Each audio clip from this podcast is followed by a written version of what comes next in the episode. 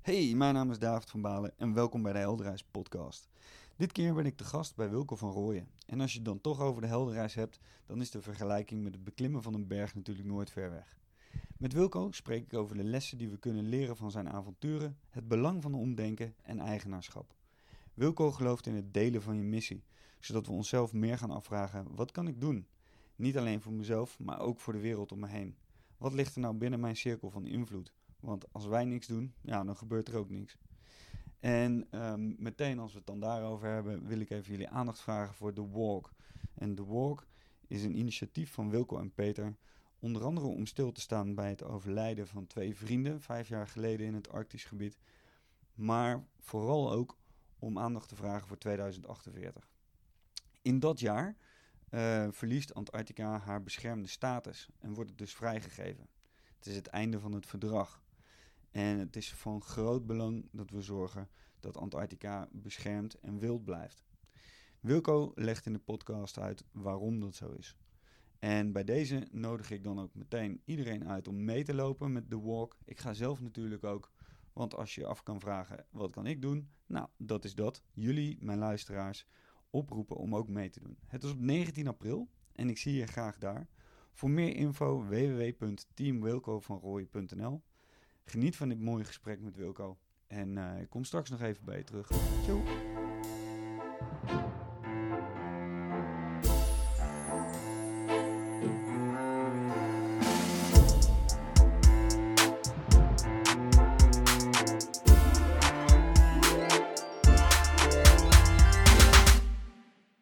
Welkom. Ja, heel gaaf. In uh, Voorst is dit. Ja, prachtig in de weilanden bij een uh, knisperend vuurtje. Het is een hele mooie winterdag. En um, ik wil met jou gaan uh, praten over het onderwijs natuurlijk. Ja. Want je bent hier in de Helderreis podcast. Laten we eerst eens even beginnen bij uh, Wilco, toen Wilco nog een Wilcootje was. Mm -hmm. nou nee, laat ik eerst even beginnen met Wilco, wat doe jij eigenlijk allemaal? Oh ja. Misschien kent niet iedereen jou. Nee, uh, nou, ik ben uh, Wilco van Rooyen, uh, geboren in De Meren, vlakbij Utrecht. Ehm, opgegroeid in een heel gemiddeld ja, soort van arbeidersgezin, zeg ik wel eens. Um, maar van mijn vader ja, de, de, de, liefde gekregen voor de bergen. Dat heeft erin geresulteerd dat ik uiteindelijk ehm, ja, mijn passie heb gevonden in de bergen. Dus ik, ja, ik noem mezelf dan bergbeklimmer, avonturier eigenlijk zou iedereen avonturier moeten zijn. En dat is iemand, denk is iedereen ook eigenlijk wel in mijn ogen. Alleen het gaat bij mij dan wel iets verder dan, uh, nou ja, uh, de landsgrenzen. En ik wil graag de horizon uh, overkijken. En ja, weet je, de, wereld is te, te groot en te mooi om, ja, om dan, ja, zeg maar niet verder te kijken dan je neus lang is. En ondertussen geef ik uh, veel lezingen. Um, dat zeg ik omdat mensen dan soms wel eens denken van... ja, maar hoe ben je dan bergbeklimmer en, of avonturier? En staat dat dan op je, je visitekaartje? Ja, dat staat ook op mijn visitekaartje. En dat doet dan ook altijd wel gelijk een, uh, een lach uh, ontplooien. En dan vertel ik er ook gelijk bij, weet je... ik heb niet een aantal sponsors die mijn boterham betalen... zoals in andere sporten gebruikelijk is... Dat je met een plakplaatje op je voorhoofd dan nou ja, je ding gaat doen. Maar zodra ik terug ben eigenlijk van, van die expedities, dan geef ik dus inderdaad heb ik de, ja, de gelukzaligheid dat ik mag praten. En dan nou ja, daar mijn boterham eigenlijk mee kan verdienen. En dus ik heb ja, wat dat betreft een, ja, ik zou niet eens willen zeggen een jongensdroom mogelijk gemaakt. Want toen ik een klein jongetje was, had ik natuurlijk niet de stoutste dromen dat ik dit ooit zou mogen en kunnen gaan doen. Uh, sterker nog, er werd mij vooral verteld uh, dat het eigenlijk onmogelijk was om uh, in, een in een land wat geen bergen heeft, nou ja, een soort bergbeklimmer te willen zijn. Ja. Maar goed, als ik dan elke zomer weer met mijn vader en met mijn ouders en mijn zusjes in de Alpen was, ja, dan, dan, dan ja, klopte die energie gewoon. Alle adviesjes, alle, alle boeken, de bergen om me heen, dat, dat, dat gaf mij gewoon vleugels. Maar nogmaals, ik durfde toen echt niet uit te dromen dat ik ooit de hoogste berg van de wereld zou beklimmen. Want ook toen als klein jongetje dacht ik, ja, dat is allemaal veel te groot, veel te ver, veel te duur. Uh, nou ja, eh, zoals we zo vaak denken als we ergens energie van krijgen. Nou, dat zal er niet voor mij zijn weggelegd. Maar ja, stapje voor stapje ben ik toch ja, zeg maar die kant op gegaan. En uiteindelijk ja, verzamel je zoveel zelfvertrouwen dat je op een gegeven moment zegt... nou kan ik de hele wereld aan en dus ga ik ook de hoogste berg op mijn manier beklimmen.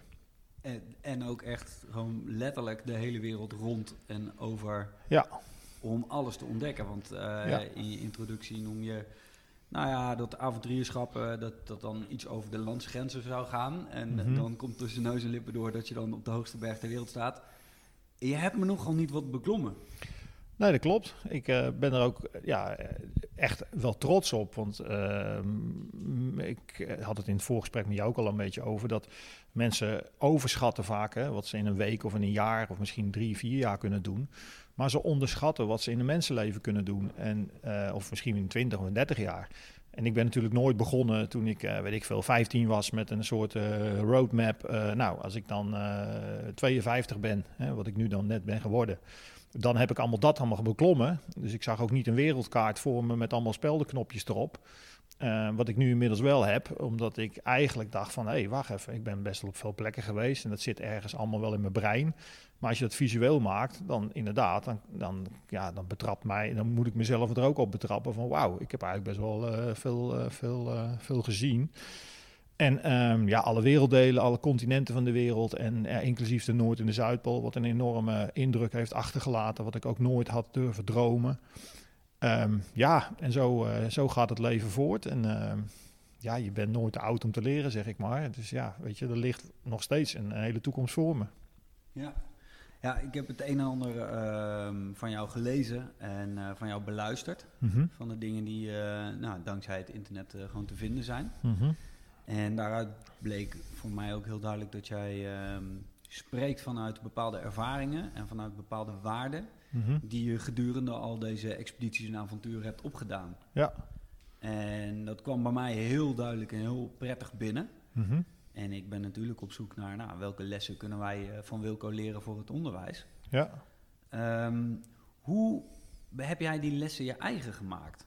Want nu heb ik het over lessen, maar voor jou zijn dat natuurlijk gewoon ervaringen Ja. geweest.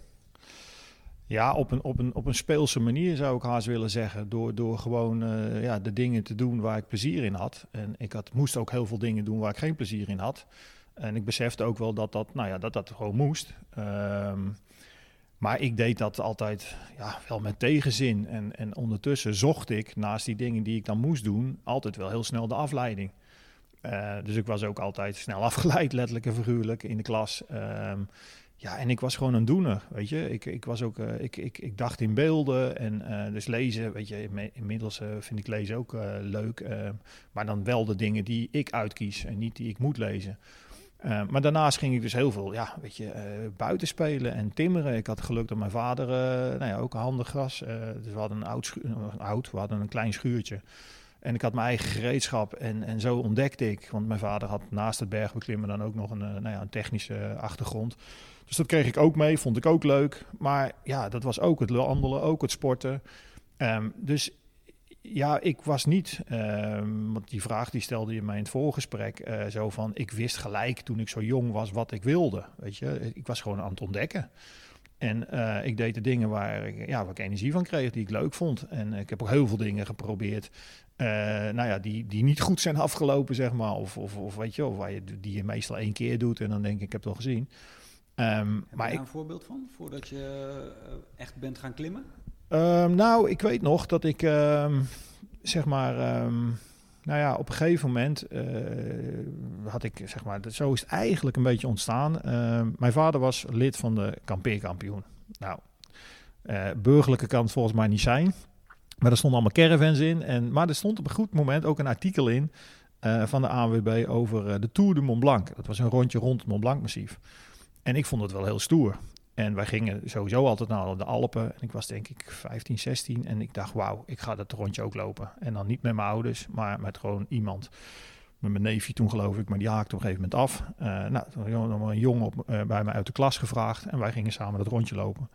En dat vond ik echt ontzettend stoer. Want het is de eerste keer dat je dan nou ja, overal zelf over moet nadenken. Dus je maakt allerlei fouten in wat je meeneemt. Die rugzak is veel te zwaar en dat soort dingen. Ehm, maar goed, en toen kwam ik daarvan terug en toen dacht ik, wauw, dit was zo'n gave ervaring. Ik wil elk jaar wil ik, eh, ja, een gave ervaring opdoen. Ook een beetje met het idee dat je elk jaar iets bijzonders moet doen wat je bijblijft. Een soort mijlpaal. Maar dat, dat kon ik toen nog niet benoemen hoor. Maar dat idee had ik gewoon. Ik wil ik gewoon een nieuwe ervaring opdoen.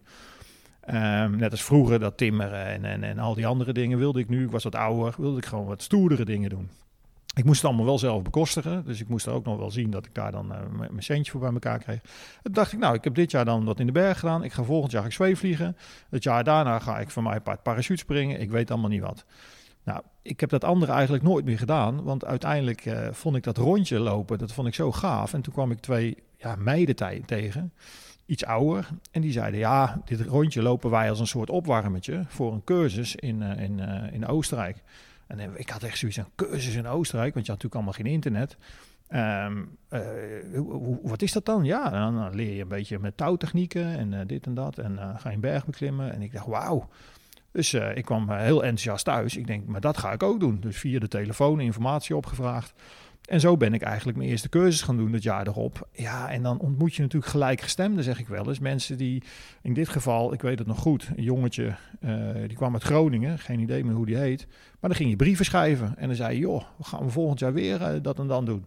Nou ja, en zo ging je dan beginnerscursus, gevorderde cursus. Uh, nou, uiteindelijk werd ik instructeur. Ja, en wat ik zeg, dan, dan neemt je netwerk ja, neemt alleen maar toe. En um, ja, je gaat er steeds meer informatie uh, uit opzoeken. En dan, ja, dan kan het bijna niet anders dan dat je na verloop van tijd...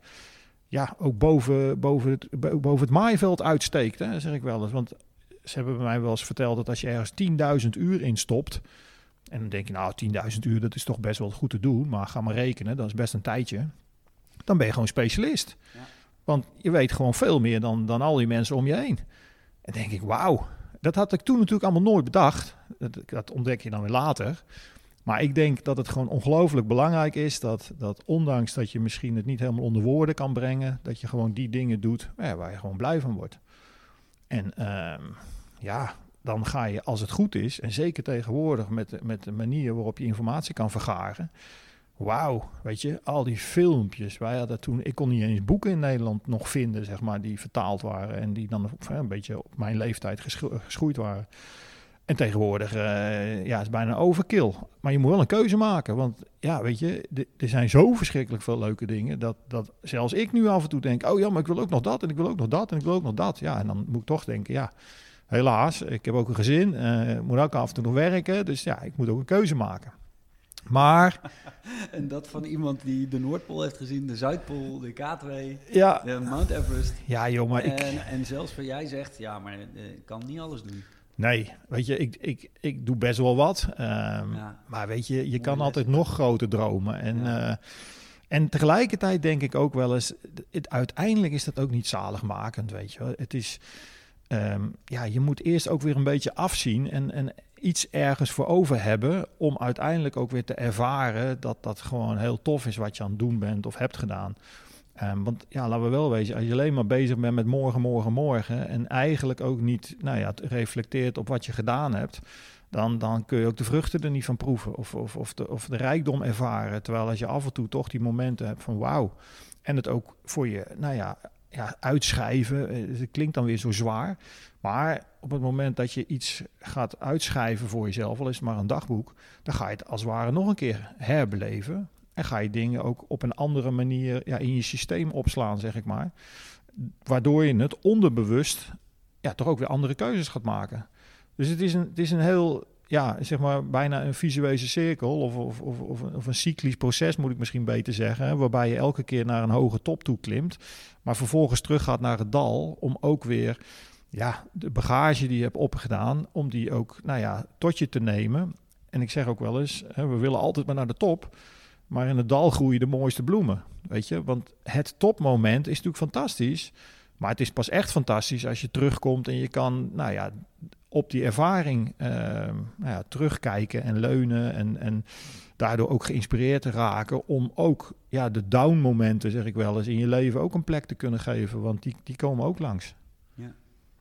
In, in die, in die uh, bergmetafoor, die ja, logisch dat jij ze gebruikt natuurlijk. En ik ken er ook een paar van uh, Paulo Coelho bijvoorbeeld. Ja. Dat is ook een hele mooie bergmetafoor, een aantal verschillende stappen. Maar daar zit natuurlijk alles in. En ieder onderdeel van het proces Hè, of het nou de voorbereiding is, of het onderweg zijn, de Ja. top of weer terug. En hè, de return home. Ja, Ehm, ieder onderdeel heeft zo zijn, zijn charme. Absoluut. En, en kan niet bestaan zonder de rest. Nee. Nou ja, daarom vind ik het zo mooi, ook uh, nou ja, zoals je podcast heet, uh, die, die heldenreis. Daar ben ik ook eigenlijk veel te laat pas achtergekomen. Uh, ook weer nou ja, tijdens een proces in mijn leven.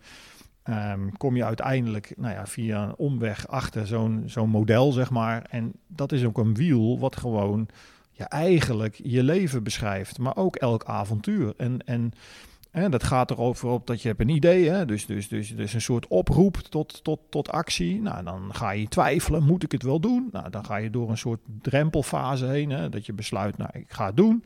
Nou, dan ga je op een gegeven moment, dan werk je heel lang en dan ga je nog een soort ster van de dagmoment. Dan sta je misschien wel op die top.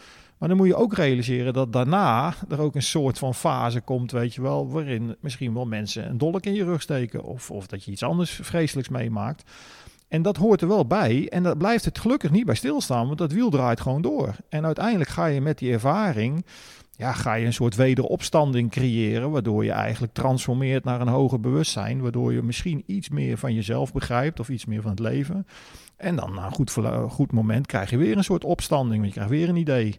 Nou, kan je zeggen, nee, dat doe ik niet. Of je gaat er weer doorheen en je gaat het weer aan, waardoor je weer, nou ja, meer van het leven gaat begrijpen. En uiteindelijk ga je meer van jezelf begrijpen. En ik denk dat dat uiteindelijk ook, ja, misschien wel een, een soort van de zin van het leven is om die obstakels eigenlijk te overwinnen. Want daarvan ga je groeien, daarvan word je sterker.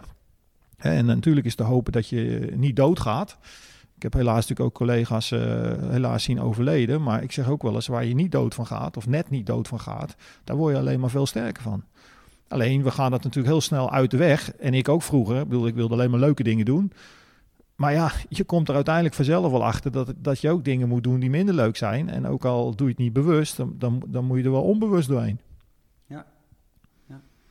En uh, er schiet nu van alles door mijn hoofd wat ik daarover mm -hmm. wil vragen. Ja. Uh, het eerste wat ik even wil benoemen is inderdaad uh, het wiel waar jij het over hebt. Hè? Het, ja. daar hadden we het net ook al eventjes over. Dat is eigenlijk cyclisch denken. Ja.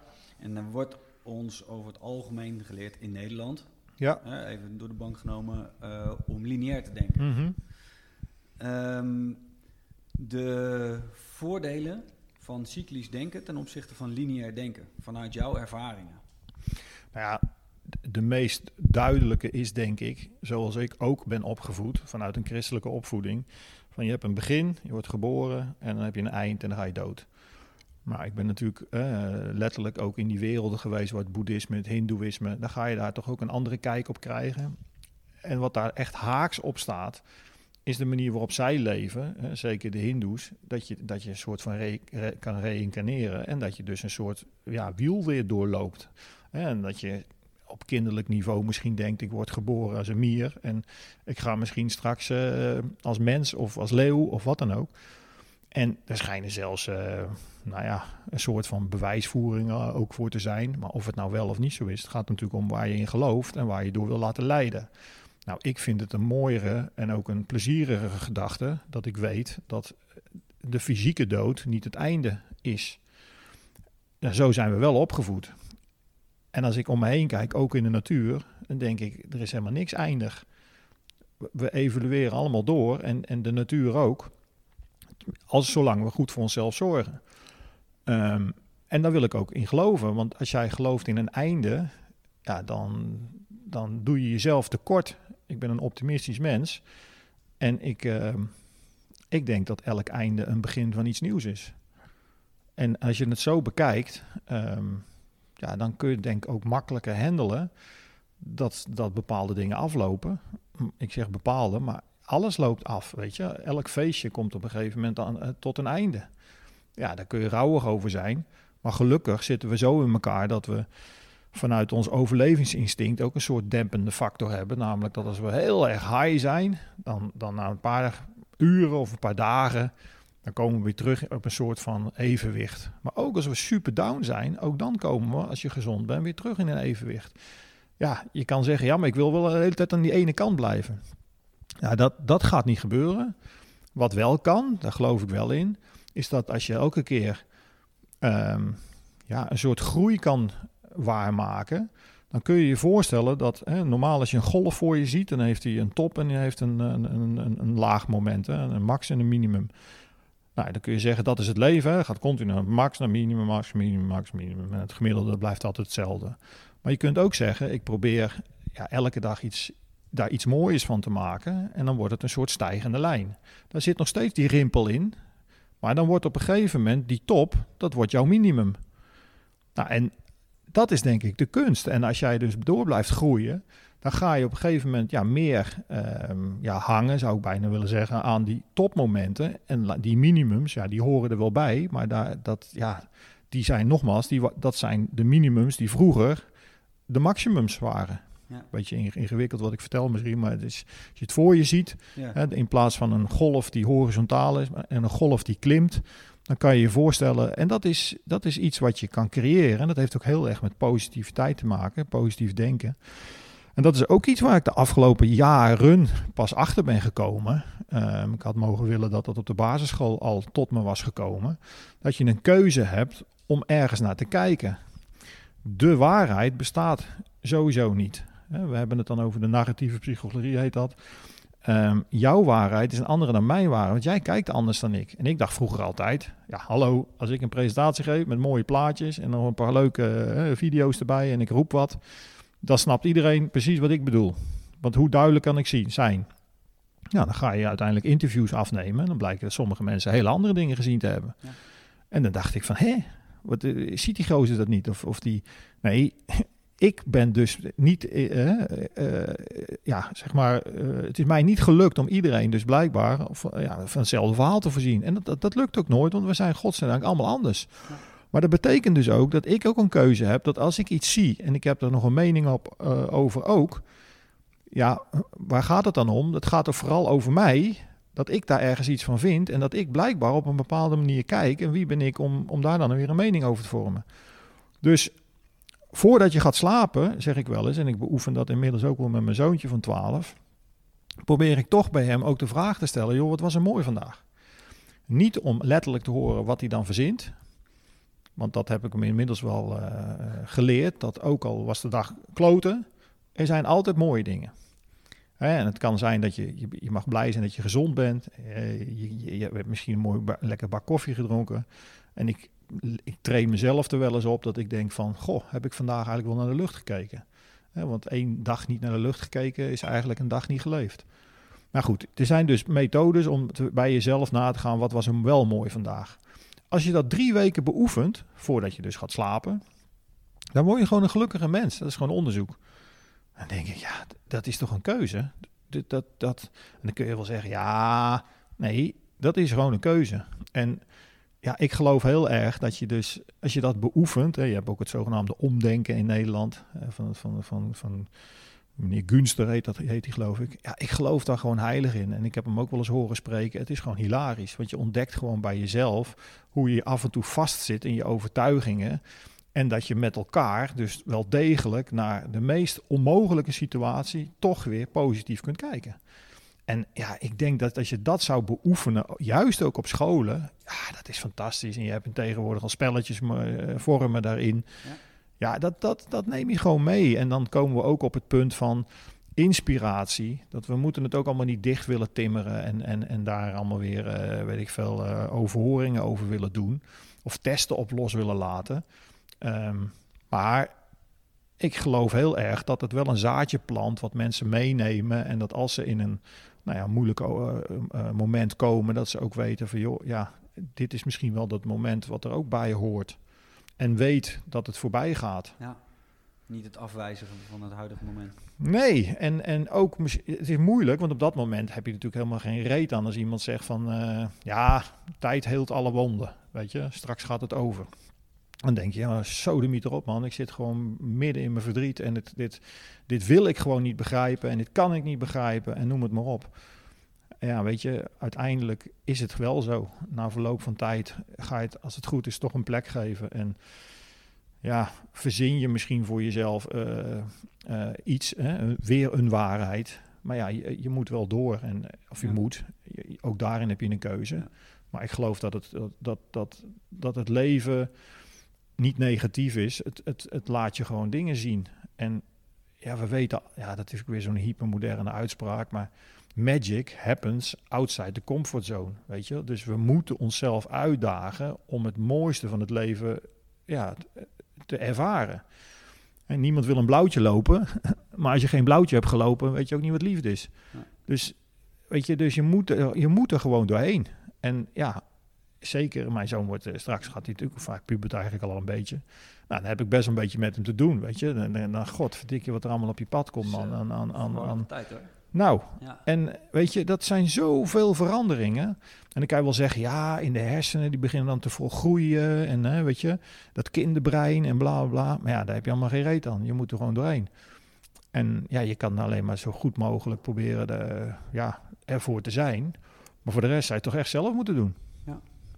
Ja, en inderdaad eh, eventueel eh, voorbeelden laten zien of eh, zaadjes planten waar ze op den duur wat mee kunnen. Want het is net waar je het over had. Hè. Stel iemand zit in een dal en iemand anders zegt ja, maar hè, na regen komt zonneschijn of zoiets. Daar zit iemand op dat moment niet Nee. op te wachten. Nee, nee. Eh, echter, wanneer de overtuiging bij diegene al eh, zit van joh, maar ik moet er nu even doorheen, maar het komt goed met mij. In plaats van oh, ik eh, hel en verdoemenis en het wordt nooit meer beter, want ik kan nou eenmaal even niet verder kijken. Mhm. Als die overtuiging er niet zit, dan Nee. is, het, is het veel naarder, Mhm. ook achteraf, dan Ja. wanneer die overtuiging er wel zit. Ja. Maar dat komt dus dan al bij mensen van binnenuit. Maar ja, dat heeft ook wel te maken natuurlijk met ons reptiele brein, hè, met, met ons overlevingsinstinct en uiteindelijk natuurlijk onze eh, cognitieve vermogens. Hè. Dan probeer je het met de ratio, probeer je het een plek te geven. Maar ja, weet je, hoe je het ook went of keert, we- we hebben te dealen met dat, met dat primitieve brein en daarom, ja, weet je, gaan er ook heel veel dingen mis. Ook bij mij. Alleen precies wat jij zegt, hoe eerder wij eigenlijk dat ja, ehm, ja, ervaren of eigenlijk zien en, en, en begrijpen ook vanuit de biologie hoe dat werkt, hoe beter je jezelf dan ook kan sturen, niet kan controleren, maar wel kan sturen ja, om wel het goede te doen, de goede beslissing te nemen in plaats van eh, je toch ja, aan die, aan, aan die, aan die, aan die, aan die, aan die kortstondige eh, genot, eh, sommige mensen noemen dat zelfs geluk, dat kortstondige geluksmoment om daar, om daar, ja, om daar eh, ja, je aan over te geven. Want dan krijg je toch die instincten waarvan we vaak weten dat, dat, dat, dat, het, dat het je uiteindelijk op de lange duur geen geluk brengt. Ja. Korte termijn fijn, lange termijn pijn. Ja, Die. ja. ja en zelfs ehm, hoe eh, meer pijn of hoe meer moeilijkheden, ja, dit klinkt een beetje extreem, maar hoe meer pijn, hoe meer moeilijkheden je eigenlijk jezelf ehm, durft te laten ervaren, hoe mooier het leven wordt. Kun je die daar iets verder... eh, Nou ja, als je letterlijk een berg opklimt, dan weet je dat het pijn gaat doen. Ja. Weet je, het wordt koud, het wordt afzien, je eet niet, je, je wil op ex- echt extreme hoogte. Zegt je lichaam ook eigenlijk, joh, wegwezen hier. Er is een tekort aan zuurstof, eh, hele chemische processen worden stilgelegd. Je bent, als je niet uitkijkt, ben je geen mens meer. Maar als je daar bereid bent om daar doorheen te gaan, ja, ik kan het bijna niet uitleggen, maar dan ontstaat er gewoon zo'n geluksmoment op zo'n top, zo'n ja, bijna kosmische ervaring. Ja, weet je, waarom doe ik dat? Ik hoef dat nooit meer te doen. Weet je, als het om bewijzen ging, dan mensen weten het wel. Alleen, ik blijf dat doen, want die ervaring, dat is iets, ja, bijna eh, een soort van ehm, eh, verlichting.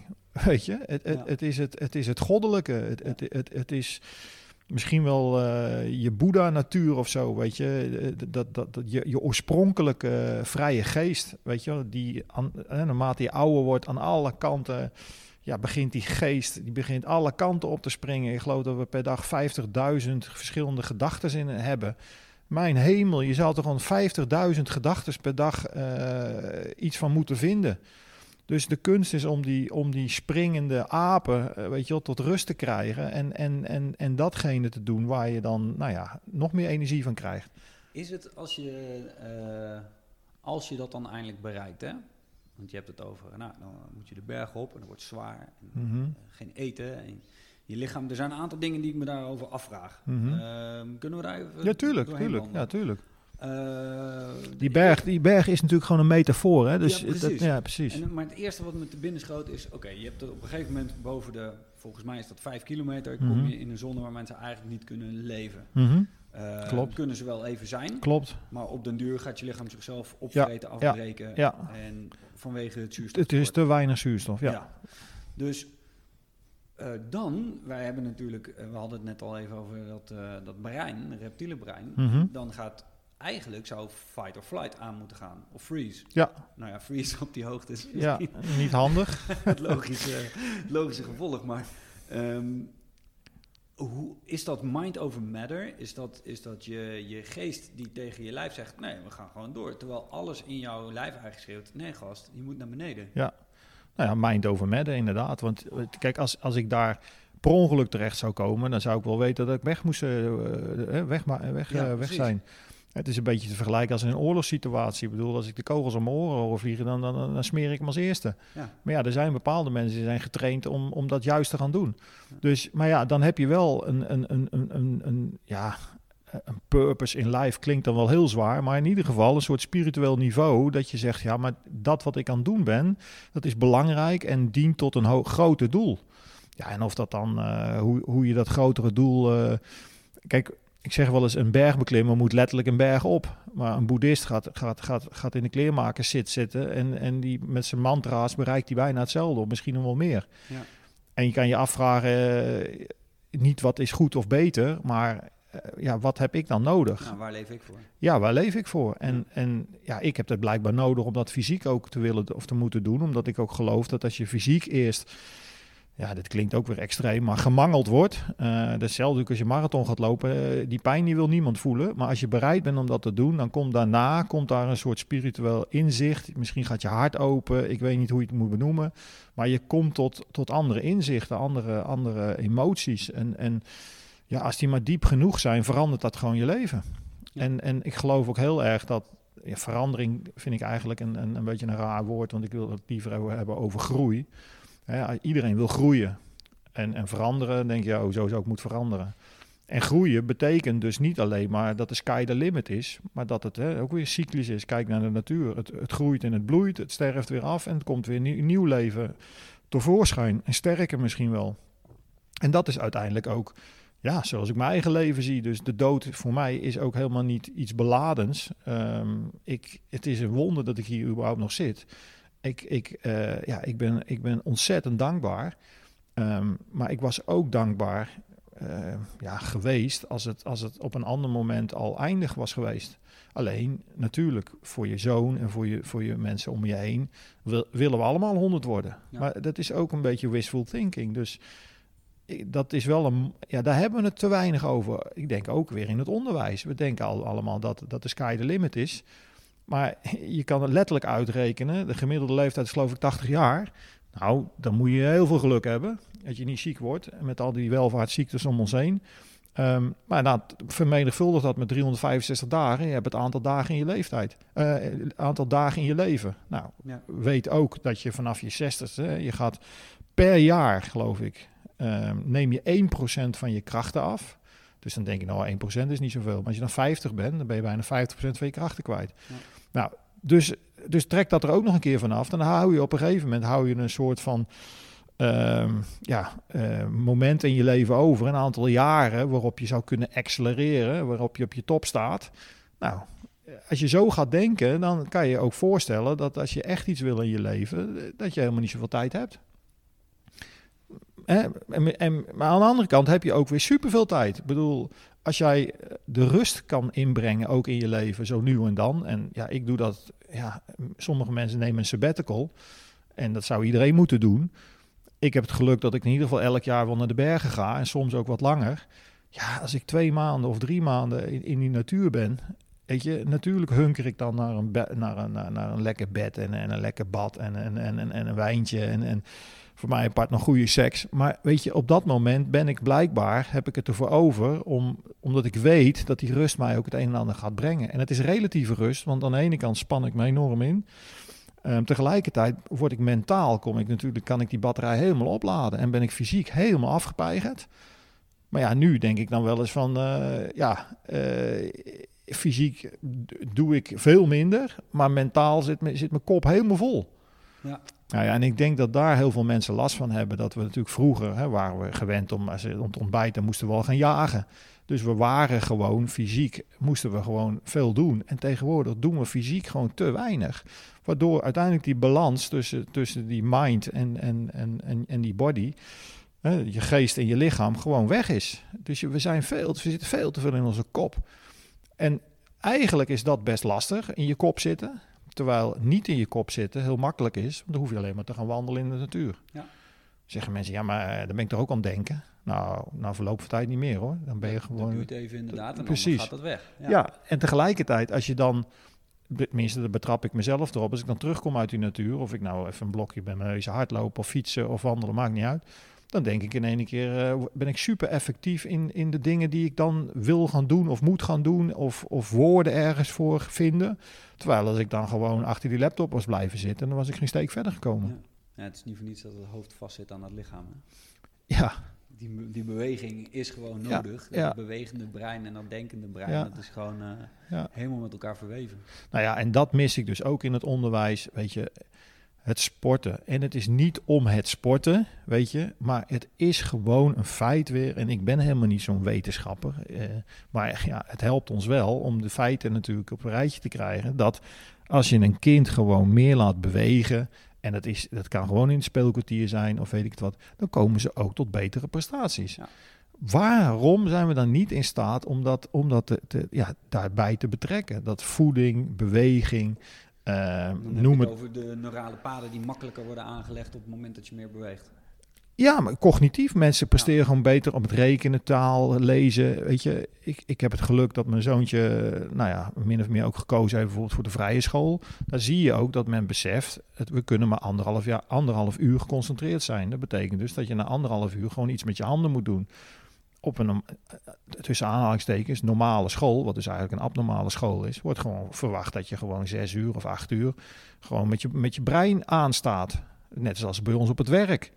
Dat is toch te gek voor woorden? Ja, eens. Nou ja, en, ik, en nogmaals, uiteindelijk gaan we, gaan we, worden we productiever. Het is een vreselijk woord, maar weet je, we worden effectiever, productiever en we doen het niet. Ja, ja heel tegenstrijdig. Dus, en, we, en uiteindelijk zijn het ook geluksmomentjes, want je komt ook tot andere gesprekken als je een blokje omloopt.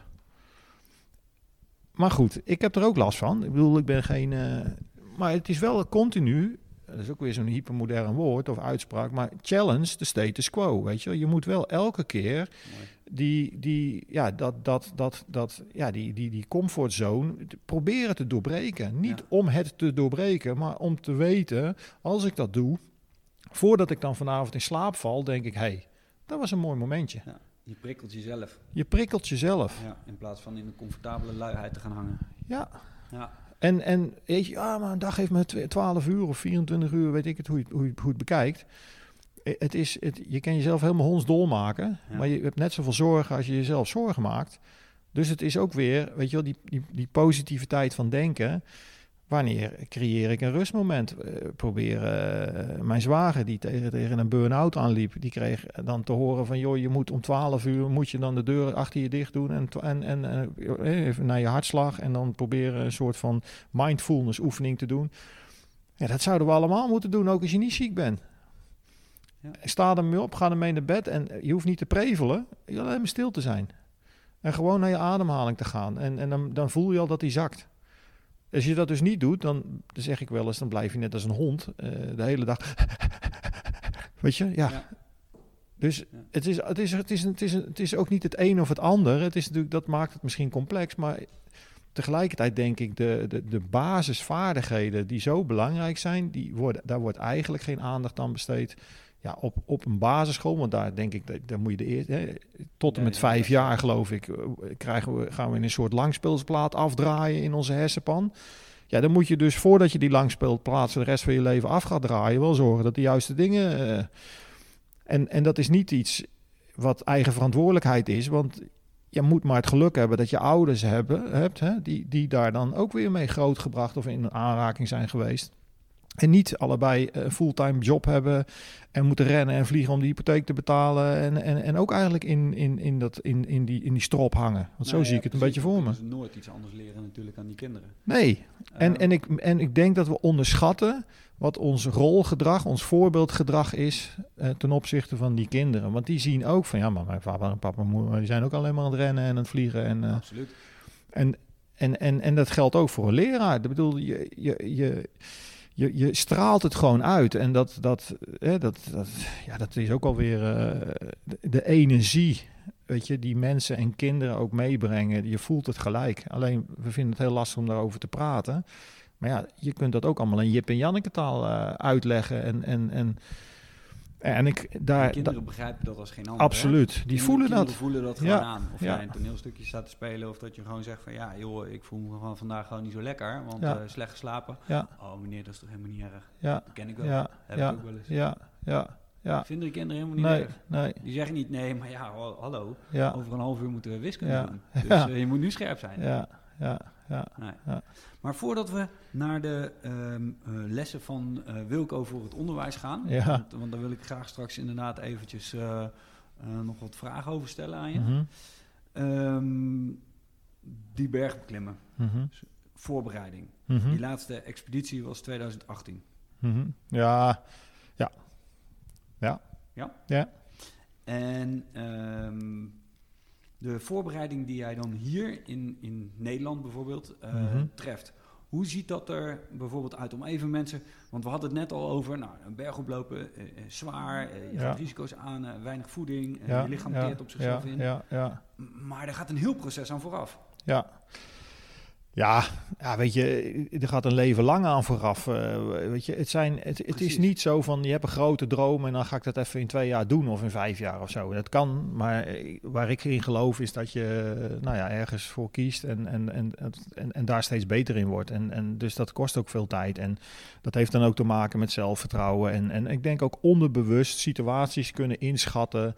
Uh, zeker in de bergen met het weer. Uh, met, met, het is allemaal natuurlijk, ja, die natuur is groter dan jou. Dus het is die natuur, die, die, daar kun je ook niet uh, ja, te on, uh, onderschatten. Weet je, in split second is het voorbij. Um, dus, dus je moet daar een leven lang bijna mee bezig zijn. Nu ben ik daar al bijna een leven lang mee bezig. Dus uiteindelijk is mijn voorbereiding, ja, ik zeg wel eens beperkt. Maar, zeg ik er tegelijkertijd bij, mijn leven ziet er dan ook wel dusdanig uit dat ik gezond eet. Ik beweeg uh, meer dan voldoende. Um, ik, ik lees... Hoe ziet dat eruit, als ik vragen mag? Jouw, jouw be bewegingsroutine? Ja, bewegen is... Uh, ik, elke zondagochtend zit ik op de mountainbike uh, door het bos. Uh, nou, zomers ook wel wat meer op de racefiets.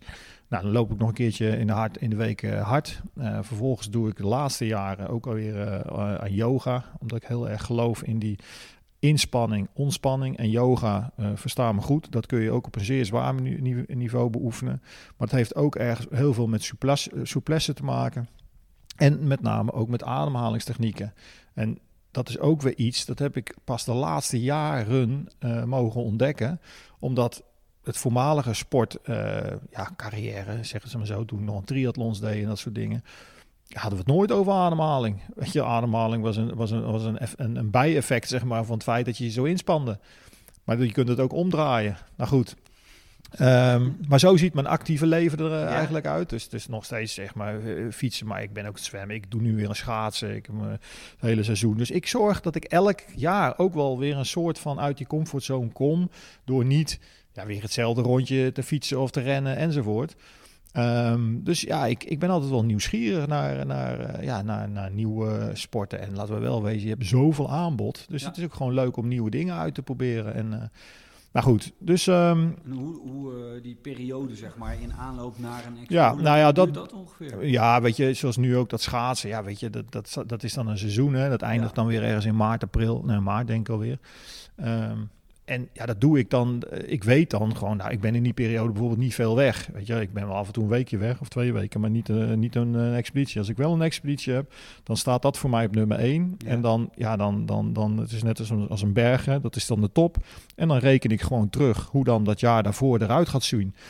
Maar wat het allerbelangrijkste is in die voorbereiding, is dat ik dan nou niet een jaar, ik ben al twee jaar en soms zelfs al langer, ben ik mentaal, ben ik daar ook gewoon mee bezig. Ik probeer daar echt zoveel mogelijk momenten in mijn leven, laat ik dat gewoon langskomen omdat ik, dat, ik geloof heel erg in dat visualiseren. En ik, ik, wat ik vooral visualiseer, dat zijn ja, de problemen die we het gaan tegenkomen, de moeilijkheden. De momenten waarop je eigenlijk dreigt ehm, ja, uh, de handdoek in de ring te gooien. En ja, hoe beter je je daarop focust, ja, hoe, hoe, hoe leuker de momenten worden, uh, ja, dat het allemaal wel volgens plan verloopt. En ik weet bijvoorbeeld al dat het niet volgens plan gaat verlopen. Sterker nog, als het helemaal uit de klauwen loopt, dan kom ik niet meer terug. Ja. Dus daar denk je ook over na. En daar heb je het ook over. En daar schrijf je ook wel eens over. Niet, niet zozeer publiek, maar voor jezelf. Ehm, en dat maakt ook dingen los. En, en dan, ja, dan zit ik ook wel in, in, mijn eentje in mijn emoties. Maar ik vind dat ook mooi, weet je wel. Ik, ik, ik wil ook dat ik af en toe gewoon kan, kan huilen en, en kan voelen. En, uh, en soms doe je er wat mee en, en soms ook niet. Maar je laat het wel binnen, want je weet wel, ja, als ik, het, als ik het niet wil, dan moet ik het ook niet doen. Maar ik voel dan op dat soort momenten, ja, maar ik wil het wel. Ja, En, en ja, dan, dan. Maar het moet, het, moet, het moet allemaal wel weer kunnen, weet je. Ik heb ook een zoon, dus ik moet, het, ik moet dat ook kunnen uitleggen. Nou, dat, dat is echt niet eenvoudig, want toen ik de laatste keer dan wegging, ja, hij was toen uh, 10, 10, 11. Ja, weet je, wat kan je een kind van 10, 11 nou uitleggen over, ja, maar papa heeft een hobby en papa is gedreven, papa heeft een passie. En dan denk je, ja, papa, je hebt toch genoeg bergen beklommen? Ja, wat moet ik daar dan op zeggen? Nee, papa moet er nog een paar doen. Nee, dat is niet het goede antwoord. Dus ik heb geprobeerd een brief te schrijven waarin je dat, dat dan vertelt, weet je wel. En dan ook een brief dat als hij straks 16 is en je zou niet meer terug zijn gekomen, dat hij dan uh, die brief weer erbij pakt en dat leest en steeds beter begrijpt van, oh, wacht even, maar mijn pa stond op die manier in het leven. En ik ga eigenlijk steeds beter begrijpen en eigenlijk ook steeds meer waarderen dat, dat, dat mijn vader, nou ja, zo, zo'n droom in, in, in zijn leven had. Um, en dat is wat ik toch vaak ook zie gebeuren, weet je wel. Mensen zeggen wel eens, als mensen te jong omkomen, ja, dat is allemaal verschrikkelijk. Ja, dat is het misschien ook. Maar als zij met de goede dingen bezig waren, um, blijft er wel iets heel moois ja, mooi. achter. En, en die energie, ik zeg ook, mijn collega's die, die zijn omgekomen, die, die zijn niet dood in mijn beleving. Ik heb het er bijna elke dag over. En als het niet letterlijk is, dan is het wel met mijn eigen systeem. En ik heb daar hier ook foto's hangen. Ik, ik, ik, die emotie, ik, hoef, ik, ik kijk één seconde naar en, mijn haren gaan gelijk recht overeind staan. En dat geeft mij de trigger om te beseffen, ja, maar morgen moet ik dus wel de goede dingen doen. Want wat, wat niemand zegt aan het einde van zijn rit, had ik nog maar harder gewerkt. Dus als jij ja, een museumpje opzet over je eigen leven, dan wil je wel over iets vertellen wat je wil doorgeven. Nou ja, en daar kan je elke dag aan werken. En dat hoeft helemaal niet betaald te zijn.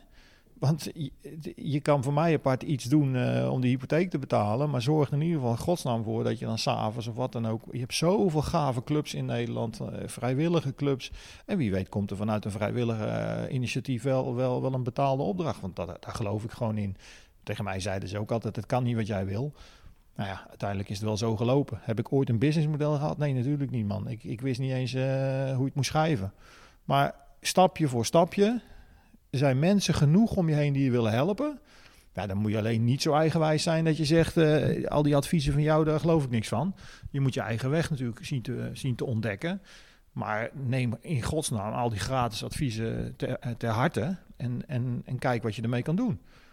Ja, en, en, dan, en dan plotseling blijkt, uh, nou ja, die kan wel schrijven, die kan wel filmen, die kan wel, uh, weet ik het wat. En dan kijk je het gewoon af en dan ga je gewoon copy-paste. Zo simpel is het in het begin. En, en na verloop van tijd ontdek je heus wel je eigen weg. Ik heb ook mijn eigen weg ontdekt. En letterlijk ontdekt, want ik was dus niet diegene. Die mensen heb je ook, die, die heel jong zijn en zeggen: Het is al duidelijk wat ik ga worden. Ja. dat, dat, heb ik niet gehad hoor. Ik, en als ik ook terugkijk naar mijn ouders, mijn vader was, ja, weet je was gewoon met alle respect een keihard werkende man. Um, was ook elke uh, ja, zes, vijf dagen in de week weg. S vroeg als ik me, als kind uit bed kwam, was hij al weg. En als de s'avonds kwam hij om een uur of zeven thuis. En dan viel hij uh, op, de, op de schommelstoel al in slaap. Zo moe was hij. En nou heb ik gelukkig, weet je, heb ik die moment in de berg elke zomervakantie gehad. En, en, we hadden samen nog een moestuin en zo. Maar um, ja, ik denk toch dat hij ook gewoon te hard gewerkt heeft. En ehm, nogmaals, ik vind het fantastisch dat hij 40 dienstjaren had volgemaakt en dat hij daar nog een mooi feestje voor had gehad.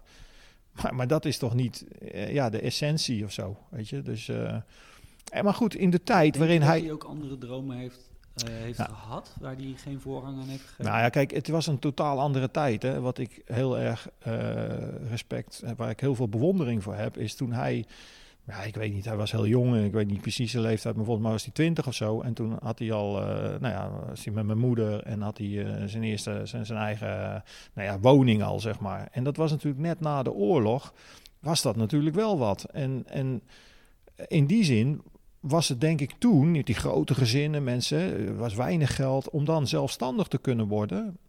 Ja, dat, dat, was, dat was het. Maar ja, laten we wel wezen, tegenwoordig uh, gaat iedereen al met, uh, weet ik veel, voordat hij twintig is, is hij het huis al uit.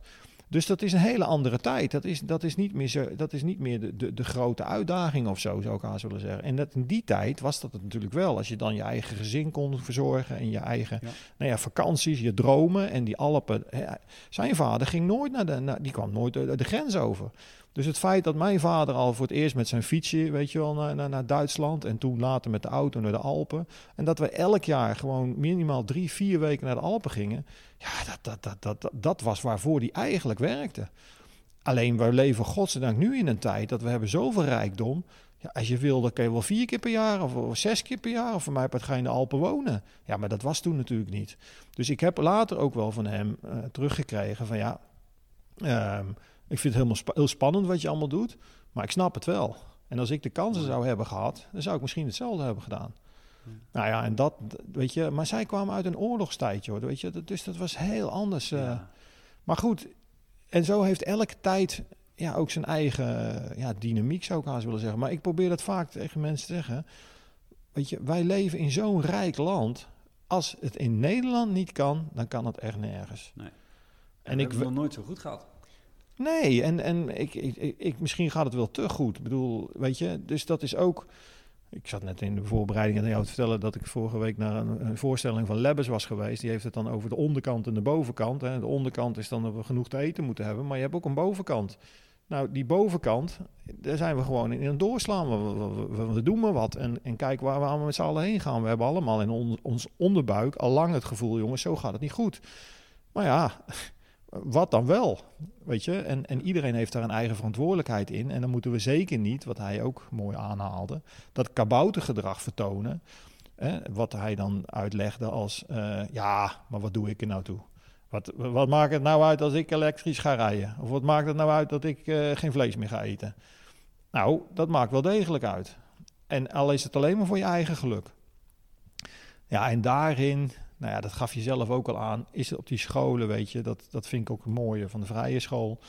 Zonder dat ik daar nou heel erg uh, promotie over ga lopen maken. Maar daar gaat het niet om wat je kan, maar het gaat erover wie je bent. Dus er wordt veel minder, weet je, op dat cognitieve presteren gelegd. We zijn ook naar andere scholen geweest. Nou, ik kreeg daar echt mijn haren rezen te bergen. Ja, en als uw kind dan goed is in nou, vul het maar in.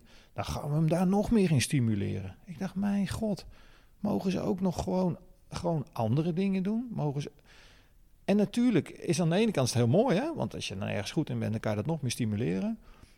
Maar je hebt ook tijd en ruimte nodig om, om, om gewoon andere dingen te ontdekken. En, en, en, en ja, wie ben je? En dat heeft soms niks met die cognitieve vakken te maken. Dat zijn creatieve processen. Dat, dat, dat, dat, dat is muziek, dat is, dat, is, dat is sport, dat, is, dat kan alles zijn. Iets wat misschien helemaal niet gewaardeerd wordt in onze man. Dacht je dat bergbeklimmen gewaardeerd werd? Uh, man, eh, zeker toen, we hadden nog geen internet. Je was echt een, uh, ja, een, een soort Einzelganger van, van bergen. Ja. Wat moet je nou in de bergen doen? Ja. Daar word je toch moe van? Ja, plus uh, de, de manier waarop jullie uh, afspraken met elkaar maken binnen teams van Mhm. tevoren. Mhm. Hè? En hij had het net al even over, uh, dan visualiseer ik, uh, ik, ik Ja. volg me, nee, wacht, ik ga eerst daar naartoe. Hoe vaak ben je in je hoofd, je bent 2008 K2 opgegaan. Ja, hoe vaak, want je hebt drie pogingen gedaan, Ja. derde keer ja, heb je op top gestaan. ja. Hoe vaak ben je die berg opgelopen in je hoofd? Ja, eh, ik ben er 13 jaar uiteindelijk mee bezig geweest. Hè. In 1995 heb ik toen het ongeluk gehad. Toen was ik een jonge hond. Toen realiseerde ik me ook wel, die berg is een berg te hoog. Weet je, dat was gewoon Champions League en ik was daar nog niet aan toe, denk ik toch. ik kreeg die kans, dus ik heb hem gepakt. Dat had ook verkeerd kunnen aflopen. Maar goed, ik heb daar versneld een proces doorlopen, zeg ik wel eens. Weet je, daar heb ik ongelooflijk veel van geleerd. Dus dat is ook tekenend geweest. Toen wilde ik daarna ook niet meer terug. Ik, ik, ik had denk ik voor de K2 nog wel... Ik, studeerde toen nog. En dus ik had ook de keuze kunnen maken. Oké, nu ga ik werken. Nu ga ik... Hè, en dan blijft het een hobby. Nou, toen had ik dat ongeluk gehad. En toen, maar in mijn achterhoofd heb ik altijd gedacht... Ja, maar ik ga nog terug naar die berg. En niet dat dat nou een obsessie was. Ik, ik, daar liep ik niet mee te koop. Maar dat, zo zit ik wel in elkaar. Ik heb, het, ik, heb het, ik heb het op mijn netvlies staan, of het zit op mijn harde schijf ergens. En, en, en na tijd komt raad, maar ik ga, ik ga dat gewoon doen. Ja. Nou ja, goed. En ging ik in 2006 terug. Nou, dat mislukte weer. Nou, 2008 weer. Dus ja, het, het, het, het, moest ook gewoon gebeuren. Ja, maar hoezo dan? Want, eh, verandert de wereld erdoor en wordt de wereld er beter van? Nee, allemaal niet. Maar ik had dat gewoon, weet je wel. En uiteindelijk heb ik nu inmiddels wel de overtuiging dat wat ik daar heb meegemaakt, letterlijk triumph and tragedy. Ehm, ja, ik denk dat dat een reden, eh, of dat laat ik het zo zeggen, dat ik er iets moois mee doe. Omdat ik toch wel merk dat ik mensen daarmee kan raken. In die zin om te spiegelen aan hun eigen leven van joh Weet je, uh, het gaat er wel om dat je de dingen doet ja, die, die je bezielen. En of je er nou jong of oud mee wordt, dat is helemaal niet, dat komt, dat is helemaal niet te sprake. Nee. Ik, ik zeg wel eens Herman Brood, voor degenen die hem nog kennen, die had een mooie uitspraak. Die zegt, ik spaar, de, ik spaar de momenten in mijn leven in plaats van de jaren. En we weten hè, dat vaak veel van die popzangers uh, niet, gemiddeld niet heel oud worden. Ik kan me ergens ook nog wel indenken. Je moet je voorstellen als je zoveel ervaringen in tien jaar tijd meemaakt. Van, van letterlijk de super highs naar de super downs. Weet je, dan ben je misschien ook wel klaar met het leven. Dat weet ik niet hoor. Maar ik geloof ook niet dat dat dan weer uh, de ultieme weg is. Maar het gaat, wat, wat de essentie wel is, is doe die dingen waar je, waar je, waar je voor leeft. En, en laten we wel wezen, de laatste 30 jaar van je leven. Ik kan me niet voorstellen. Um, ja, dat dat de meest actieve jaren zullen zijn. Uh, misschien zijn het wel hele mooie jaren omdat je steeds meer inzichten creëert. Hè? Dus ik ben er ook wel achter gekomen. Wie ben ik om te zeggen dat iemand die achter de granium zit geen leven heeft? Want misschien reflecteert hij wel op zulke prachtige dingen waar ik helemaal nog niet bij kan. Maar als je iets wil, dan, dan snapt iedereen wel dat, dat je dat hè, vroeg genoeg moet, vroegtijdig moet beginnen. En weet je, leg een meetlat op tafel, dan zie je 100 centimeter, zet je leeftijd uit. Nou, ik ben 52, dan mag je wel aannemen dat je over de helft bent. dan ben ik nog heel positief. Dus de vraag is gewoon van, wat ga je dan nog doen in die resterende tijd? En niet dat je, er van, dat je er spastisch voor over moet worden, van oh, dan heb ik nog maar weinig jaren. Nee joh, als jij een dag niks doet, of ga een week op een huisje zitten op Texel, dan voel je je haar fijn, uit, eh, haar fijn aan wat je eigenlijk nog de komende tien jaar zou willen doen. En dan moet je je vooral niet laten verleiden dat je denkt, ja, maar ik kan er geen geld mee verdienen, want dat is de omgekeerde wereld. Dat geld volgt op een goed idee. en ik geloof echt dat Nederland is echt de place to be waar je iets kan laten ontstaan. Er zijn ook subsidies.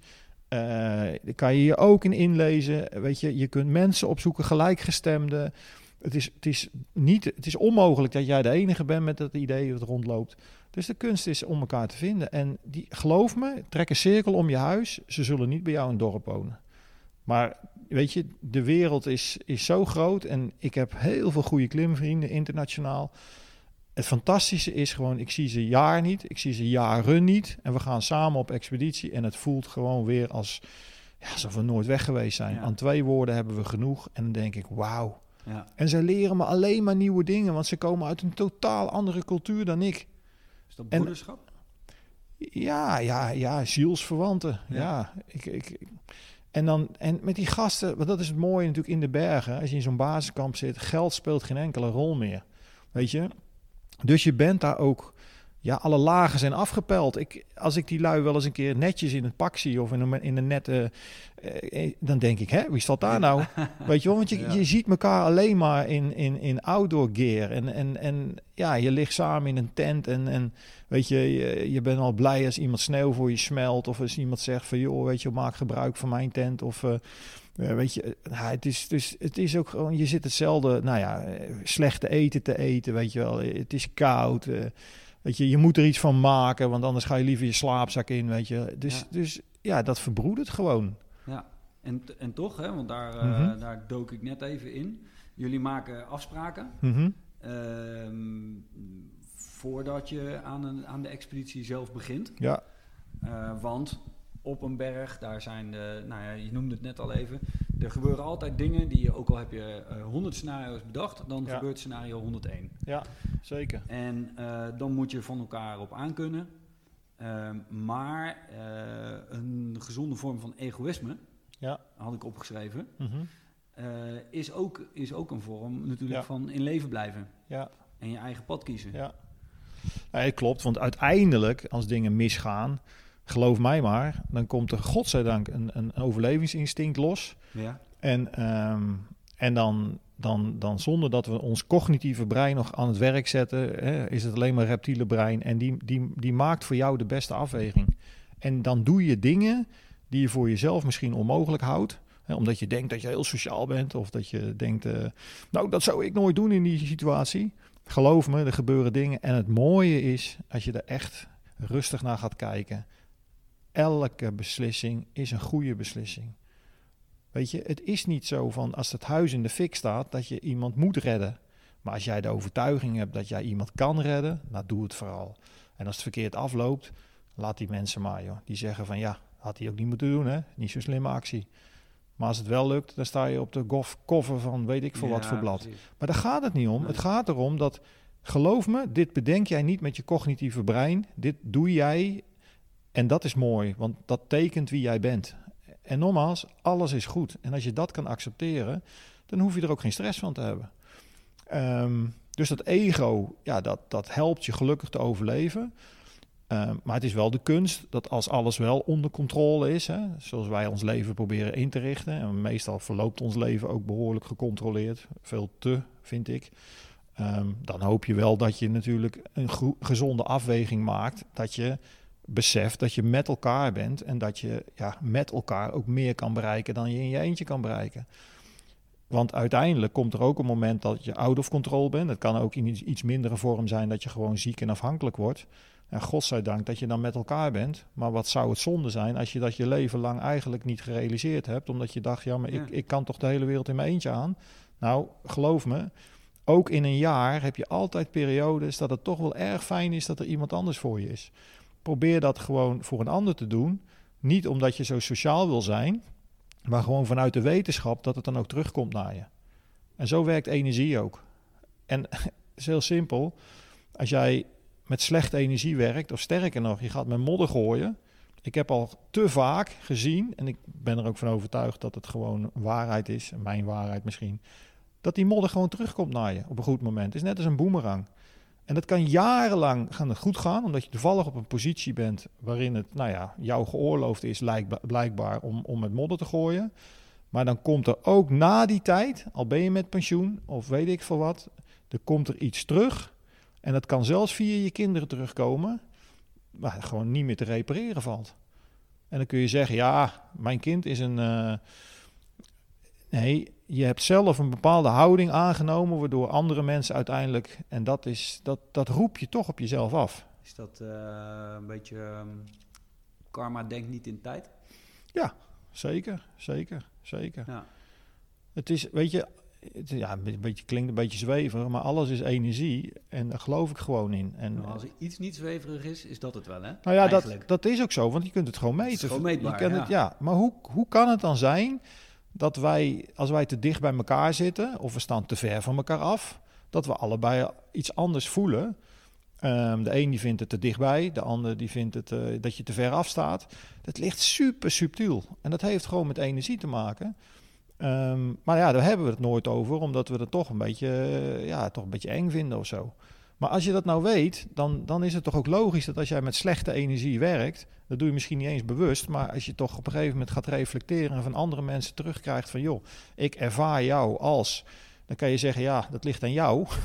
Of je denkt, nou, misschien kan ik mijn houding enigszins aanpassen. Ja. En weet je, zo heb ik uiteindelijk ook moeten ontdekken dat als je gewoon staat, dat het nogal een verschil maakt of je met je armen over elkaar staat of dat je ja, in een soort open houding staat, waarin je toch ja, toont in ieder geval dat je open staat voor, voor iets. En je kunt in een lift gaan staan met je armen over elkaar of in een hoekje en, en naar het plafond kijken. Of je staat in diezelfde lift een meter van een ander vandaan. En je kijkt nieuwsgierig en, en, en, en je stelt misschien ook nog een keer een vraag. Ja. Het is, weet je, ik moet het ook beoefenen, want het lukt mij ook niet altijd. Maar ik geloof gewoon dat als je wel je mond open doet, dat, je, dat het maar zelden is dat je, dat je een heel, heel, heel negatief eh, gesprek uh, terugkrijgt. Ja, absoluut. Ken, ken je Jocko Willink? Nee. Uh, en die heeft een, een boek geschreven. Hij was oud-commandant bij de Navy SEALs. Ja. Extreme Ownership. Oh, okay. Waarbij die alles... je, hebt, je hebt geen invloed op de omstandigheden in je leven. Nee. Maar hoe jij ermee omgaat, ja. dat is Bepaalt jouw alles. verantwoordelijkheid. Ja. Dus je hebt gewoon continu, wat je net zelf ook al zei, je hebt continu de keuze, een beetje omdenken, positief denken. Al die, Het zijn allemaal vakjes die je kan opentrekken. Hoe ga ik om met de situatie die mij nu gepresenteerd wordt? Dat is wat jou op de berg ook doet. Ja.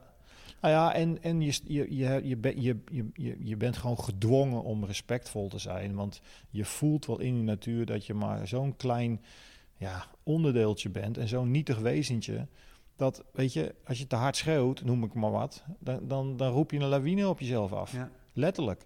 Dus, en dat respect, dat ontbreekt natuurlijk wel eens. En, en, of wel eens.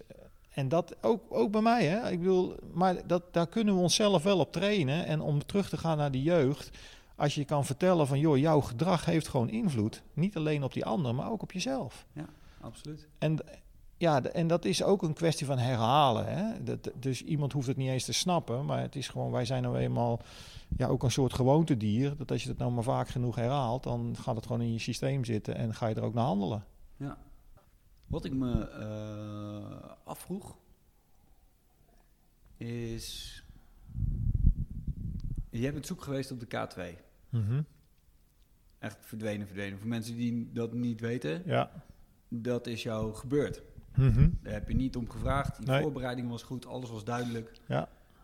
Is daar, uh, toen dat gebeurde, is daar nog een deel um, programmering, dus cognitieve programmering, heeft dat er nog aan ten grondslag gelegen? Of is dat echt een reptiele brein geweest? En uh, dit is, nou, de beslissingen worden genomen mm door jou of Mhm. door iets in jou of buiten jou. Mhm. Ehm, wat, wat, wat is dat? Wat heeft daarvoor gezorgd dat jij na drie dagen eh, daar in die eh, dode zone, hè, wat dat Mhm. is, Ja. te, te zijn geweest, dat je toch van die berg nog af bent gekomen? Ja, het is natuurlijk eh, moeilijk om, om daar een, ja, het antwoord op te geven. Ik bedoel, eh, iedere waarheid is, eh, nou ja, dat, dat is, eh, de waarheid bestaat niet. Dus, Nee. Maar goed, om, ik heb daar zelf natuurlijk wel heel veel over nagedacht en ook Precies. een, nou ja, voor mezelf in ieder geval een antwoord op gevonden. Ehm, Kijk, ik denk wel dat het heel erg heeft meegespeeld. Hè. Dat is die 10.000 uur of meer die je er al in hebt zitten. Hè. Dat je dus uiteindelijk ook nou ja, vaardigheden ontwikkelt. En uiteindelijk ook al zoveel dingen gelezen hebt, meegemaakt, gezien hebt. ehm, dat je ergens onderbewust ook wel eh, nou ja, in, in andere scenario's kan denken dan alleen maar. eh, of denken is niet het goede woord, maar eh, vanuit je onderbewustzijn. Ja, je draagt toch alles met je mee wat je hebt meegemaakt in je leven. En ik denk hoe meer bagage je hebt.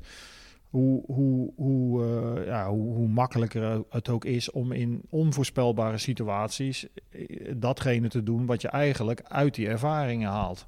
Ik zeg wel eens, als je een bivak moet maken, ook een ongepland bivak, eh, dat betekent dus dat je ergens op een berg eh, zit in de sneeuw, dat je ergens moet overnachten. Eh, en je hebt nog nooit een pak slaag gekregen. En met een pak slaag bedoel ik dan gewoon dat hij dus ongepland is, geen eten hebt, dat je eigenlijk halverwege die nacht die wand uitgedrukt wordt vanwege de sneeuw. nou ja, dan, dan, dan is het natuurlijk heel lastig dat op het moment dat je dan in een echt oncontroleer, oncontroleerbaar bivak komt, om eigenlijk eh, ja, met, met die ervaring die je hebt, zoiets te overleven. Misschien zeg je, eh, voel je aan van ja jongens, ik, ik, ik, nu stop ik mentaal gezien, want het einde is bereikt. Ehm, en ik weet ook van andere tragedies. Op Everest in 96 bijvoorbeeld eh, is er bijvoorbeeld een, een, een, bepaalde kerel die wordt voor dood opgegeven. En na drie dagen komt hij het basiskamp binnenwandelen. En weet je, zijn neus is eraf gegaan, zijn, zijn handen, zijn weet ik, zijn voeten geloof ik. Weet je. Maar iedereen die kon niet begrijpen dat die vent het overleefde. En zijn verhaal was, ja, maar ik lag wel onder de sneeuw. Hè, en ik heb onbewust, heb ik, ja, alleen maar aan mijn, aan, familie moeten denken. Mijn vrouw van ik moet dit overleven, ik moet hem overleven. En dan kun je natuurlijk afvragen, ja, hebben die anderen dat dan niet gedaan? Maar goed, laat ik bij mezelf weer uitkomen. Um, ik, heb, wat ik, ik denk dat mijn, uh, mijn kracht is geweest dat ik uiteindelijk uh, onderbewust de overtuiging heb gehad: dit kan niet het einde zijn en er is altijd een oplossing. Um, en die komt er ook. Alleen ik weet niet hoe. En het is een kwestie van tijd um, of ik het na kan vertellen. Maar elke storm gaat liggen, letterlijk, maar ook figuurlijk. Um, en ik, ik, ik ken ook te veel voorbeelden van, nou, van, van, van zeg maar drama's of, of die uiteindelijk op die manier zijn uitgepakt dat we zeggen van wauw, hoe kan dat? Dus ik heb niet bewust mijn ogen dicht gedaan, want uiteindelijk weet je natuurlijk als mens, ik moet wakker blijven, ik moet wakker blijven, ik moet wakker blijven. Maar er komt een moment dat jij gewoon niet meer wakker kan blijven en dan pleur je gewoon ja, in slaap. Dat doet verder geen pijn. Nee, maar ze, op die hoogte, op zo'n berg, is dat normaal gesproken einde verhaal, toch? Klopt. Dan is het logisch als je volgens de drie wetten van Newton, weet je, de accu is leeg, uh, je bent oververmoeid, uh, de temperatuur neemt af, er is te weinig vocht, uh, te weinig eten. Nou, noem alle biologische processen maar op. Dus dan, dan, dan val je in, in, in, in slaap en dan nou, zak je weg en dan zeggen wij, dan blijf je achter in de buik van de berg. Dat heeft op zich ook nog een soort mythische ja. betekenis, weet je je kan niet dichterbij, ja, dichterbij komen, bij spreken. Maar goed, het is niet wat je wil. Um, maar ik ben uiteindelijk ook het bewustzijn verloren. Maar voordat ik het bewustzijn verloorde, verlies, verloor, um, heb ik kort daarvoor heb ik nog, ja, ook, ook, een bijzonder verhaal, maar toch nog een telefoongesprek kunnen voeren met mijn vrouw, die in Utrecht was. In een arbeiderswoningje van 70 vierkante meter met een, met, een zoontje uh, van zeven maanden, ons kind Teun en dat heeft natuurlijk wel voor gezorgd dat zij ook er bij mij heeft ingeprent van je moet terugkomen, weet je. We zitten hier thuis op je te wachten en dit kan, dit kan niet het einde zijn. En dat heb ik natuurlijk ook volledig beseft, weet je. Ik heb natuurlijk ook gezegd, ja, maar ik, dit is ook niet het einde, weet je. En er komt een oplossing, ik weet alleen niet hoe. Nou, we hebben moeten ophangen, omdat anders het telefoongesprek te lang duurt, dan is de accu leeg. En dan alleen, dan val ik vervolgens in, in die bewusteloosheid. En ja, zeg het maar, maar ik geloof heel erg dat uiteindelijk schijnt dat maar een half uur te hebben geduurd. Want dat kan ik dan uit mijn horloge halen. Die heeft om het kwartier de hoogte opgeslagen. Terwijl in mijn beleving moet ik uren weg zijn geweest. Nou, slechts een half uur heb ik dus blijkbaar mijn ogen dicht gehad en ben ik weg geweest. Ik heb ze weer geopend en ik ben uiteindelijk ja, heel rationeel gaan nadenken van... volgens mij heb ik maar drie opties. Dat is of ik doe niks en blijf ik zitten en dan weet ik zeker dat er niks komt... Of ik laat mezelf naar voren vallen en dan pleur ik naar beneden. En dan hoop ik dat ik alleen mijn benen breek. dan heb ik nog steeds een kans om terug te komen. Um, want ook zo'n overlevingsverhaal ken ik van een vent die dat gedaan heeft. Um, ja, of ik ga er toch maar aan beginnen. Weet je, zonder dat ik uh, ja, materialen heb. Uh, de adrenaline, ik voel het nu alweer, gieren door mijn keel heen. En je denkt, adrenaline, dat is kicken. Nou, ik kan je vertellen, als je daar te veel van hebt, dan, dan weet je niet wat je zoeken moet. dus ik moest dan gewoon de rust bewaren om dat te laten zakken. En dan, dan, dan deed ik twee stappen. En dan, ik, ik, ik, normaal gesproken was ik gewoon gegaan daar ergens in die helling. En ik ben er ook gewoon op de een of andere manier doorheen gekomen. Maar wel continu door te stoppen, weer die adrenaline te laten zakken weer de moed te verzamelen en weer door te gaan. En uiteindelijk heeft het ook bijna een dag geduurd voordat ik dan eindelijk in makkelijke terrein kom en dan vervolgens denk van nou, het zou, het zou misschien wel eens goed kunnen komen. Maar dan moet ik nog een bivak maken, waarbij ik gewoon zo ver weg was ook, dat ik gewoon, ik heb gewoon, ik heb gewoon naast een, een, een, een dode gezeten. Maar ik weet niet of het zeker is, maar zo, ik, ik zie het gewoon voor me en ik kan hem ook beschrijven. En ik weet ook ongeveer waar het is geweest. Je kan er ook niet bij komen. Uh, maar goed, ik ben uiteindelijk weer doorgegaan de volgende dag. En uiteindelijk kom dus ik dan... dan... heb je een nacht daar... Ja, heb ik daar gezeten. gezeten. Ja, om, in de kou zonder te Ja, omdat ik wist, ik voelde, als ik nu doorga... Weet je, het is donker, ik pleur in een gletsjerspleet en niemand vindt me meer. Nee. Dus ik moet wachten tot de zon weer opkomt. Alleen als je het rationeel, heel rationeel bekijkt, dan denk je, ja, maar als jij nog langer hier gaat wachten, nog een nacht met, de- met min 30, zonder eten, zonder drinken, jongen, de gevolgen zijn, die zijn, zijn die wordt. Maar ik heb nooit gedacht, ik ga mijn handen verliezen, ik ga mijn benen verliezen. Ik, ik, heb, ik heb alleen, ik, ik, ik was er ook niet meer mee bezig, want ik, ik voelde mijn handen niet eens meer of mijn benen. Ik zat helemaal in een soort, ja, misschien wel een zone of genius, dat je dus gewoon een soort verlicht bent, dat je alleen maar met, met een soort bewustzijn, je, je lichaam is gewoon, je bent gewoon niet je lichaam meer of zo. Ja. Nou ja, en uiteindelijk kom ik dan, uh, een hele lange omweg, maar uiteindelijk in een basiskamp en... eh, ja, dan worden mijn schoenen uitgetrokken en dan blijkt in één keer dat mijn voeten bevroren zijn en mijn handschoenen worden uitgedaan en dan blijkt godzijdank dat mijn vingers, uh, dat er nog bloed in zit.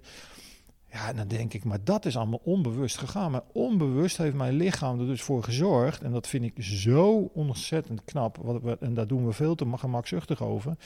Wij hebben zo'n intelligent systeem. Dat is gewoon met de beste technologie niet na te maken. De accu is volledig leeg. Het is buiten min 30.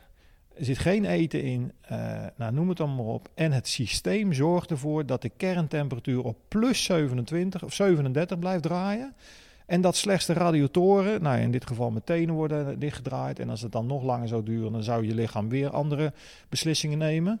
Maar dat ik gewoon drie dagen lang in de zogenaamde dead zone verblijf. Terwijl op internet, te, logisch ook, al werd gezegd, ja, die kan nooit meer een leven zijn, maar die is al te lang weg.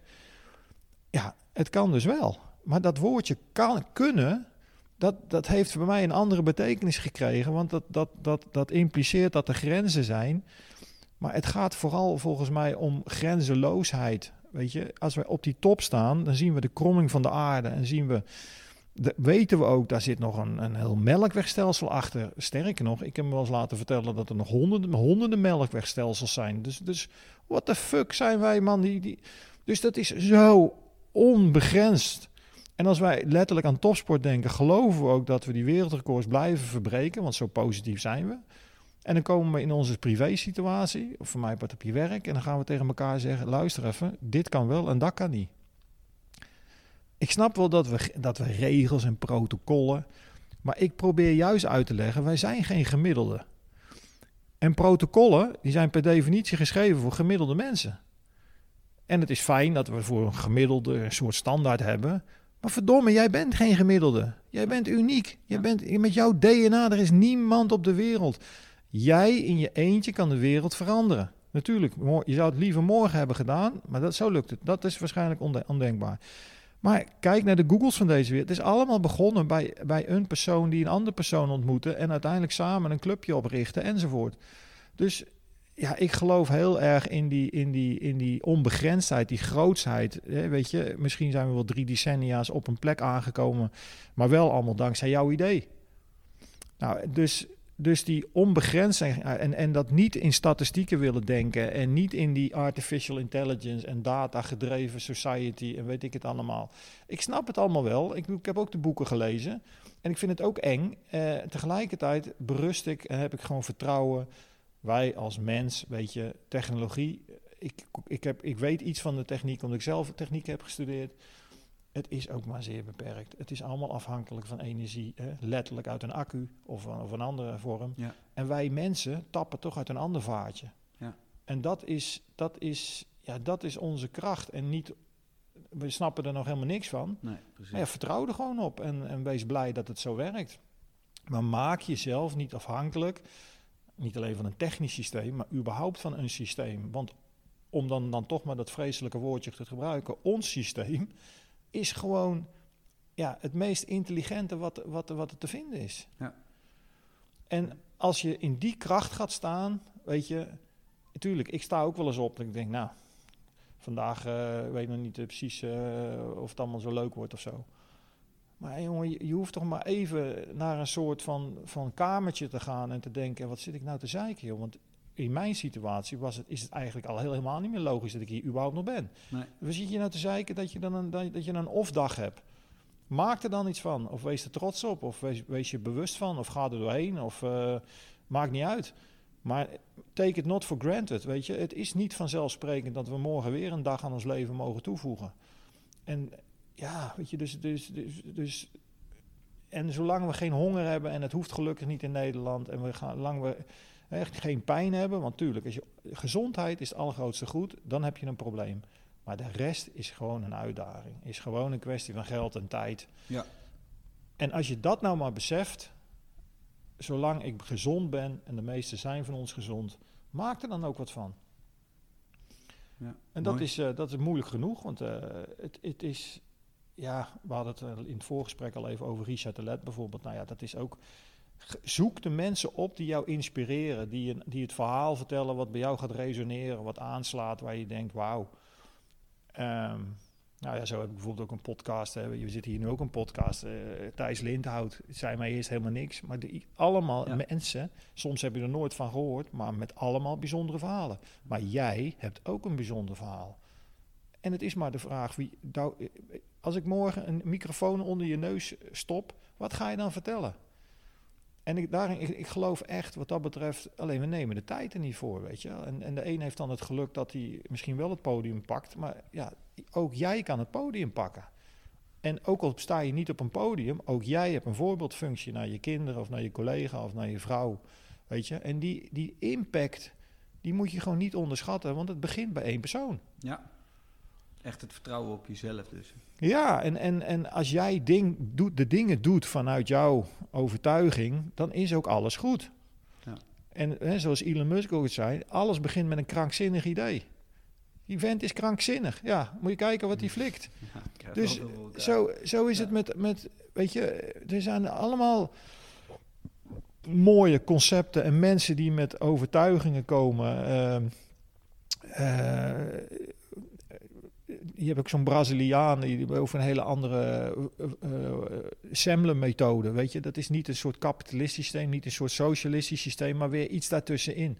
Dan denk ik, als je daar weer gaat overleven, wauw, bij zo'n soort van bedrijf kan ik me wel iets voorstellen dat je eigenlijk, nou ja, zo kan je op allerlei vlakken, kan je mensen, en dat is het mooie van het medium, van podcast, je luistert gewoon en, en, en het doet iets met je en je denkt, daar, daar ga ik even opschrijven, daar ga ik, daar ga ik even wat mee doen. Ja. Nou, mooi. Dan is er een zaadje geplant. En zo gelo- geloof ik ook dat het op die scholen veel meer op die manier uh, ja, beter kan werken. Want dan wordt het niet zo opgehangen aan rekenen of taal of het lesje inspiratie. Want waar valt dat dan onder? Dat is, noem het educatie, noem het spiritualiteit, noem het, uh, weet ik veel. Maar daar gaat het niet om Ecologie, hoe we het noemen. noemde Remco Klaas het. Hoe? Ecologie. Ecologie, ja. ja. jezelf kennen. Ja. ja. Nou ja, weet je, de, de, we hoeven misschien aan, die, dat is ook het leuke van deze tijd, dat we hoeven niet overal een naam voor te verzinnen. Ik probeer bijvoorbeeld met Antarctica iets te doen. Ja, dat mag geen bedrijf heten. Het mag, het mag wel, maar het is het niet. 2048 Antarctica. Ja, is het een stichting? Ja. Nee, het is ook geen stichting. Wat is het dan? Een inspiratieclub? Nou, laten we maar zo noemen. Je komt ja. langs zolang jij erin gelooft en die club die groeit. Uh, ja, maar wat krijg je dan van terug? Nou, inspiratie. En als ik jou niet meer inspireer, jij inspireert mij niet, ja, dan, dan zijn we ergens niet, iets niet goed aan het doen. Ja. En als jij even niet langskomt, nou blijkbaar heb je iets anders in je hoofd. Maar om dat te gaan slaan of een wortel voor te houden, wat we eigenlijk nog steeds toepassen, dat is een middeleeuwse techniek. Ja, dat, dat kan echt niet meer. Nee, maar het gebeurt wel continu ja, om ons heen. En omdat je doen. denkt, ja, maar die man die betaalt mij, dus ik moet er morgen wel weer zijn. Ja, maar hoe zit je daar dan? Ja. En dat, dat, dus we zouden de tijd zoveel nuttiger kunnen besteden. Maar ja, dat is ook heel erg weer loslaten. Hè? In, in, vertrouwen en, en weten dat je met elkaar dan aan de goede dingen werkt. En, en dan word je gedwongen om te reflecteren als je plotseling niemand meer uh, bij je bedrijf uh, aanklopt. Precies. Of alle werknemers ziek zijn. Nou ja, bijvoorbeeld. Ja. Hey, ik, er zit onwijs veel uh, inspirerende lessen ook in, in het verhaal wat je net hebt verteld. Hè? Mm -hmm. En um, uh, om dan nu helemaal de, de koppeling te maken naar okay, welke lessen, want je hebt daar ja. best al veel genoemd. Mm -hmm. uh, welke lessen kunnen we van jou leren voor het onderwijs? Nou, één daarvan is bijvoorbeeld leer vertrouwen op jezelf. Dus geef Mhm. mm -hmm. kinderen vertrouwen in zichzelf. Ja. Doordat jij, ehm, ja, misschien niet iedereen dat weet, maar doordat jij hebt geleerd om te vertrouwen op jezelf, om te zeggen van nee, ik wil op een natuurlijke manier die berg op, want je deed het Ja. zonder Ja, eh, extra zuurstof. dat is de reden waarom ik hier nog zit. Daarom ben je hier nog, Ja. precies. Als jij had gerekend op eh, van die, eh, van die Zuurstof. bussen zuurstof, dan Ja. eh, Ja. was je niet meer geweest. Nee, Dus nou, dat is er bijvoorbeeld één. ja. Maar welke lessen zou jij echt, als ik nu tegen jou zou zeggen... Oké, Wilco, hier heb je carte blanche, één A4'tje. Op dit Mhm. A4'tje eh, schrijf jij de lessen op... die we Mhm. absoluut aan kinderen moeten leren in het onderwijs. Welke Mhm. zouden dat dan zijn? Die we vervolgens kunnen gaan uitwerken natuurlijk. En eh, ja. Wat zou je ze mee willen geven? Nou ja, weet je, het, het, het begint gewoon vooral met vragen stellen. Hè, En, en, en vragen ook aan jezelf stellen. Want weet je, lessen, dat, dat, dat is net alsof ik dan weer als leraar zeg maar een tien, een tien stappenplan dicteer. En die heb ik ook wel hoor. Om, om, hè, dan zeg je nou dit, zus, zo, bla, bla. Maar ik geloof heel erg in van... Ja, vraag jezelf gewoon een aantal vragen af. Hè, van, van wil je nou ja, tot, tot de middelmoot behoren? Hè? Eh, Ja? Ehm, ja, of, of wil jij wil je echt ehm, ja, iets unieks eh, beleven? Nou ja, ik, ik mag aannemen dat, dat de meeste mensen zeggen: nee, de middelmoot vind ik niet, niet spannend genoeg. Als het wel zo is, is het ook goed. Hè? Ik bedoel, want dat is ook een antwoord. Ehm, want wie ben ik om te zeggen dat je altijd, eh, eh, nogmaals, tot, tot de max moet gaan? Maar dan heb je het jezelf wel afgevraagd. heb je je wel zelf afgevraagd. En wat daarbij hoort is, als je om je heen luistert, dan hoor je toch best wel mensen klagen. Zelfs de jeugd klaagt al over een aantal dingen. Dan moet je je afvragen, als ik me daarover beklaag, wat was dan mijn doel? Ja, als je dat niet hebt of niet had, dan kan je mijn optiek ook niet klagen, want dan had je er iets aan moeten doen. Nou, en dat is iets wat je je goed moet realiseren als kind zijnde, of moet realiseren, moet ontdekken.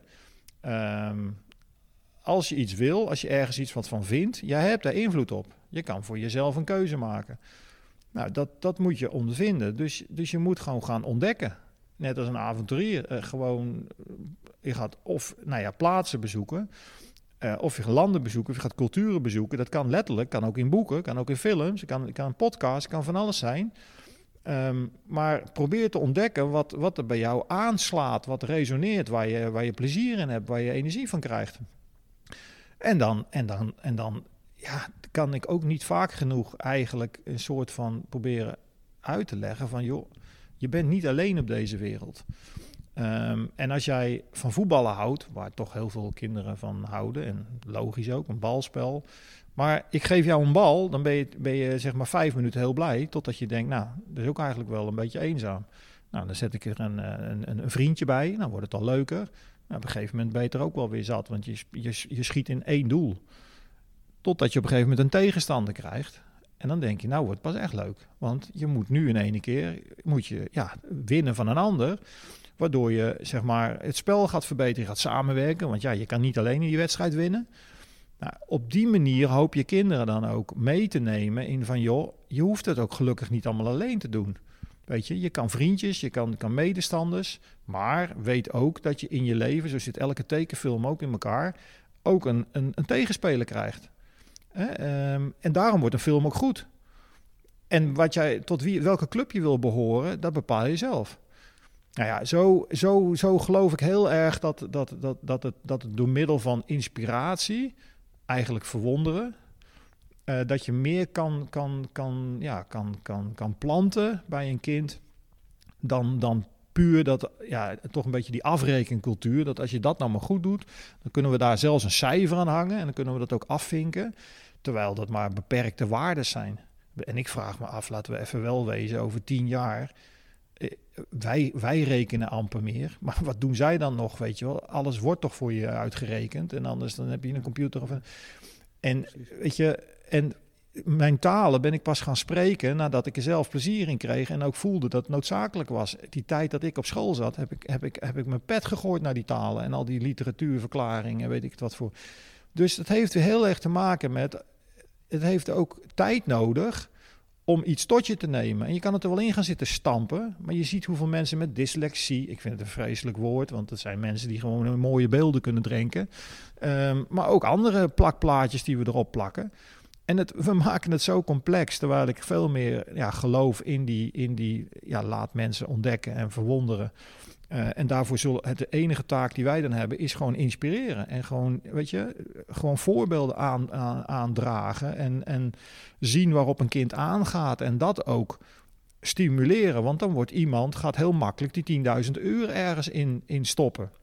Terwijl wij natuurlijk in die zesjescultuur heel erg geneigd zijn. Ja, maar met het rekenen zit het wel goed. We moeten wel even de taal bijspijkeren, want dat is nog een onvoldoende. Ja, misschien komt dat later, weet je. Um, dus Ja. dat, dus ja, dat, dat, ehm, dat ontspannen en dan vanuit die ontspanning, eh, en dat is natuurlijk best wel lastig, maar ik weet, ik ben ervan overtuigd, jij bent er ook een voorbeeld van, jullie, jij, en er zijn zoveel mensen die daar al zoveel concrete ideeën over hebben hoe dat dus beter zou kunnen. Maar dan heeft het dus weer met angst te maken dat we het eigenlijk niet doen. Want het is angst om dan niet eh, af afgerekend te worden. Of als school misschien eh, je bevoegdheid te verliezen. Of weet ik wat voor angsten wat we allemaal hebben. Ja, of het is minder meetbaar. Ja, Het huidige systeem zit zo dichtgetimmerd dat alles meetbaar is gemaakt. Ja. Maar ja, we zijn mensen. Je we zijn mensen en eh, we krijgen betaald. En dat, eh, dat, dat, dat, dat, dat, dat is ook al geen vrijheid. Hè. Dat, moet ons vrijheid geven, maar het beperkt eigenlijk onze vrijheid. Dus uiteindelijk, ehm, ja, bij welke club wil je horen? Dat is dan weer de vraag. En, en, en in die zin moet je je gewoon... Ja, je moet niks in je leven, heb ik ook wel eens eh, geleerd. Maar is het, is het, krijg ik meer energie als ik, als ik elke keer weer besef van... Hallo, waar, hier, waar, waar is hier in jouw keuze? Weet je? En ik heb ook heus wel in projecten gezeten waar ik zelfs, zelfs afscheid van heb moeten nemen. Weet je, met, met, met, met samengeknepen billen en dat ik zo boos was. En, en ook nog dacht van verdomme, het is ook nog mijn idee. En, en, en weet je, en iemand anders gaat met, de, met, met, met, met, eh, met, met mijn projecten vandoor. Ja, soms moet je dat doen, weet je. En dan moet je maar weer leren dat het niet aan die persoon ligt, weet je. Het moet je maar weer leren dat uiteindelijk iemand dan, nou ja, onbestuurbaar is of, of, of nou ja, niet reflectief is, weet je. Eh, nou ja, dan moet je ook ja, je, je, je zegeningen tellen en, en zeggen, dan ga ik het, gaan we het weer opnieuw doen. Eh, Maar wel op die manier waarop we met de lessen die we dan geleerd hebben met elkaar, nu wel vanaf meet af aan op de goede manier Juist, nou, goed. De cirkel rondmaken. een cirkel rondmaken. Ja. En, maar je kan ook jarenlang in zo'n proces blijven hangen en, en Jan en al allemaal de schuld geven. Maar uiteindelijk helpt dat je niks. Nee. Ja, en, en ja, ik bedoel, als het over het onderwijs gaat, ja, weet je, ik, ik, iedereen heeft het er eigenlijk volgens mij ook al over dat we dat moeten vernieuwen met elkaar. Maar ja, de vraag is, maar, waar, komt, waar moet het dan vandaan komen? Nou, heel simpel, gewoon van jou. Want als we op de overheid moeten wachten, met alle respect, die volgen. Ja. Weet je, dat zijn geen visie mensen, al helemaal niet eh, met, met, de, met de minister-president die we nu hebben, die, die zelfs nou ja, een visie als een olifant vindt die in de weg staat. Ja, weet je, waar moet je dan beginnen? Ja, wat overigens een letterlijke quote is van hem, hè? Ja, daarom. Ja, dus bizar. dat zegt al genoeg. Maar Ja. dus daar moeten we het ook niet van hebben, weet je. Dat zijn managers die, die gewoon reageren op de actualiteit. Maar beste mensen, we moeten toch vooruitkijken. En meer dan vier jaar. Ja. En dat, dat, zeg je, dat hou je ook voor je eigen kind. Hè. Zeg je ook van, joh, ik, ik zie een leven vol, voor me, eh, leven lang.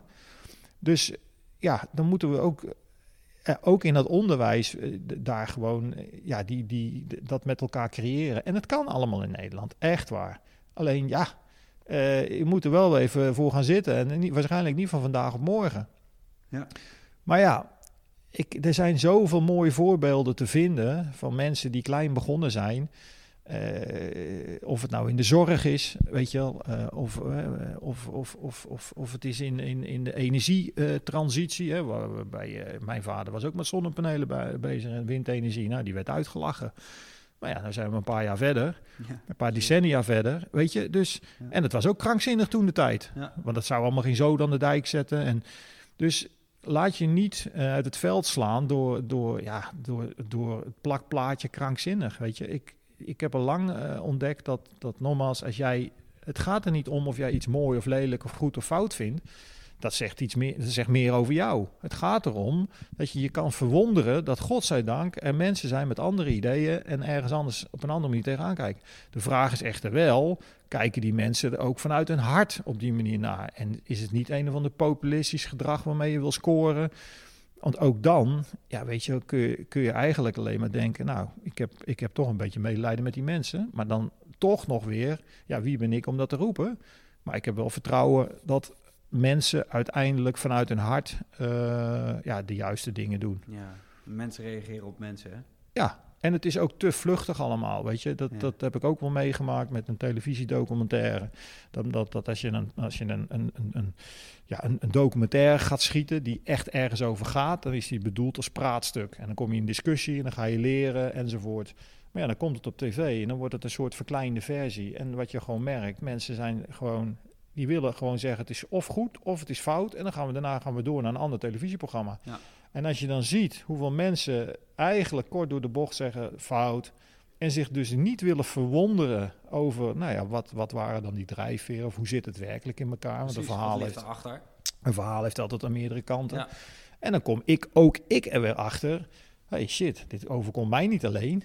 Kijk eens even naar die. Die zijn leven is geruineerd. Was dat een slechte man? Nee, die heeft misschien een keer iets doms gedaan. Maar wil niet zeggen dat iemand dan per definitie voor de rest van zijn leven een slechte persoon is. Nou goed, dus uiteindelijk ehm, ja, kun je alleen maar bij jezelf elke keer weer trainen erop. Van joh, je kan wel vinden, ook in je klas, dat iemand er anders uitziet en daarom een stom kapsel heeft. Maar weet je, het is ook wel stoer en iemand durft het wel. En zou jij het durven? Nou, waarschijnlijk niet. Nou, dan heb jij dus angst. Dus jij bent eigenlijk ben je, ben je een broekenpoeper. En wat diegene doet, die, die, die, die durft dat. Ja, ja. Nou ja, weet je, dus ja, ik, eh, ik, dat, dat, dat is, eh, ja, zo kunnen we elkaar denk ik eh, heel erg uitdagen. En ik geloof ook wel dat, weet je, ik geloof echt in de goedheid van de mens. En, en mensen willen elkaar ook per definitie niet, niet, niet pesten. Alleen als daar niet de juiste gesprekken voor worden gevoerd dan, en ook niet de juiste omgangsvormen, weet je, dan, dan, ja, dan, dan, dan, dan, dan wordt het gestigmatiseerd en wordt het gepolariseerd. En dan binnen de kortste keren heb je hij, wij en zij. Ja. En, en dan, dan, dan, dan snap je dus weer niks van die energie, want het is dezelfde energie. En nogmaals, dat, daar doe je jezelf alleen maar pijn mee. Wilco, heb jij, een, eh, heb jij nog helden? Ja, zeker genoeg. Ik bedoel, ik, ik laat me ook inspireren, Ja, weet je wel. daarom. Ik bedoel, ik bedoel, ja, ik, ik ben... Wie inspireert jou? Ja, weet je, ik, op allerlei vlakken. Ik heb ook in mijn vak natuurlijk, weet je eh, volg ik mensen en dan denk ik ook alleen maar, jeetje man, ik ben een nobody man, weet je wel. Wat die mensen allemaal doen, dat is helemaal...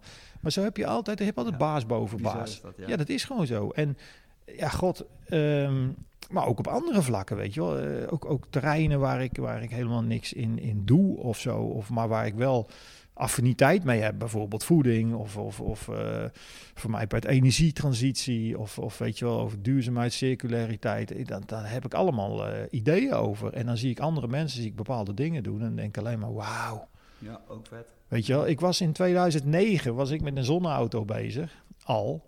En toen nog met de Hogeschool Utrecht. Ja, weet je, in 2008 hoorde ik ooit van, van, van, van, van, van een merk, eh, ene Tesla of zo.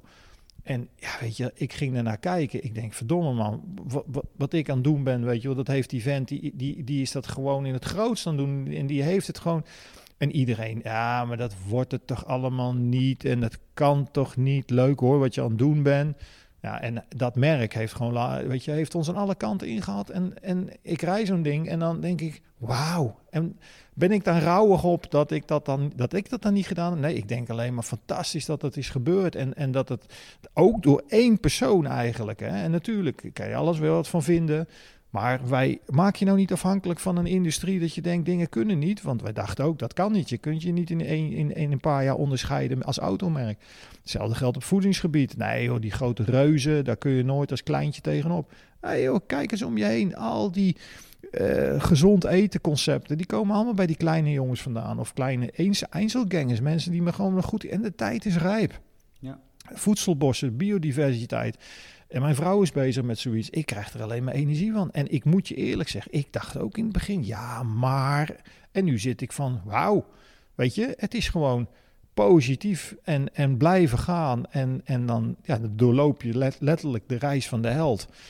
En eh, ja, zolang je nogmaals op, op eh, naar de top aan het gaan bent, dan, dan, ja, dan, dan kan het niet zo. Dan kan het alleen maar eh, een, een mooie mooi zijn. En dat daarna misschien weer een keer een dolkfase komt. Ja, goed, dat, dat, dat, dat, dat hoort erbij. Maar wel wetende dat we daarna weer ergens uit gaan komen.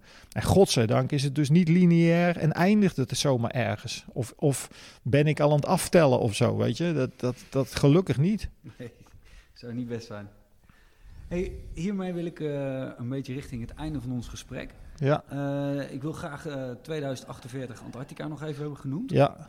Ehm, kun je dat iets toelichten? Ja, nou 2048, dat slaat op dat Antarctica is ons laatste ongerepte continent. Nou, dat is Ja. toch wel heel bijzonder dat we nog een ongerept eh, ja, natuurgedeelte op de wereld hebben. En dat is om de drommel niet klein. Het is leeft ander, niemand. Zeg je? Daar leeft helemaal niemand. Daar leeft, ja, daar leven wat wetenschappers, maar Ja. op zich kan niemand daar ja, pertinent leven, omdat ja, de temperaturen zijn eh, onmenselijk. Dus je, je moet eh, ja, gewoon eh, iets bouwen zeg maar, om je heen om op temperatuur te blijven. Maar je hebt, het is een heel bijzonder continent, omdat A, het is echt ja, beyond expectations. hè. Het is zo mind-blowing. Het is anderhalf keer Europa, dat is echt gigantisch. Maar het is ook nog eens een keer hoog. Het is gemiddeld ons hoogste continent, 1800 meter boven zeelevel. Hè.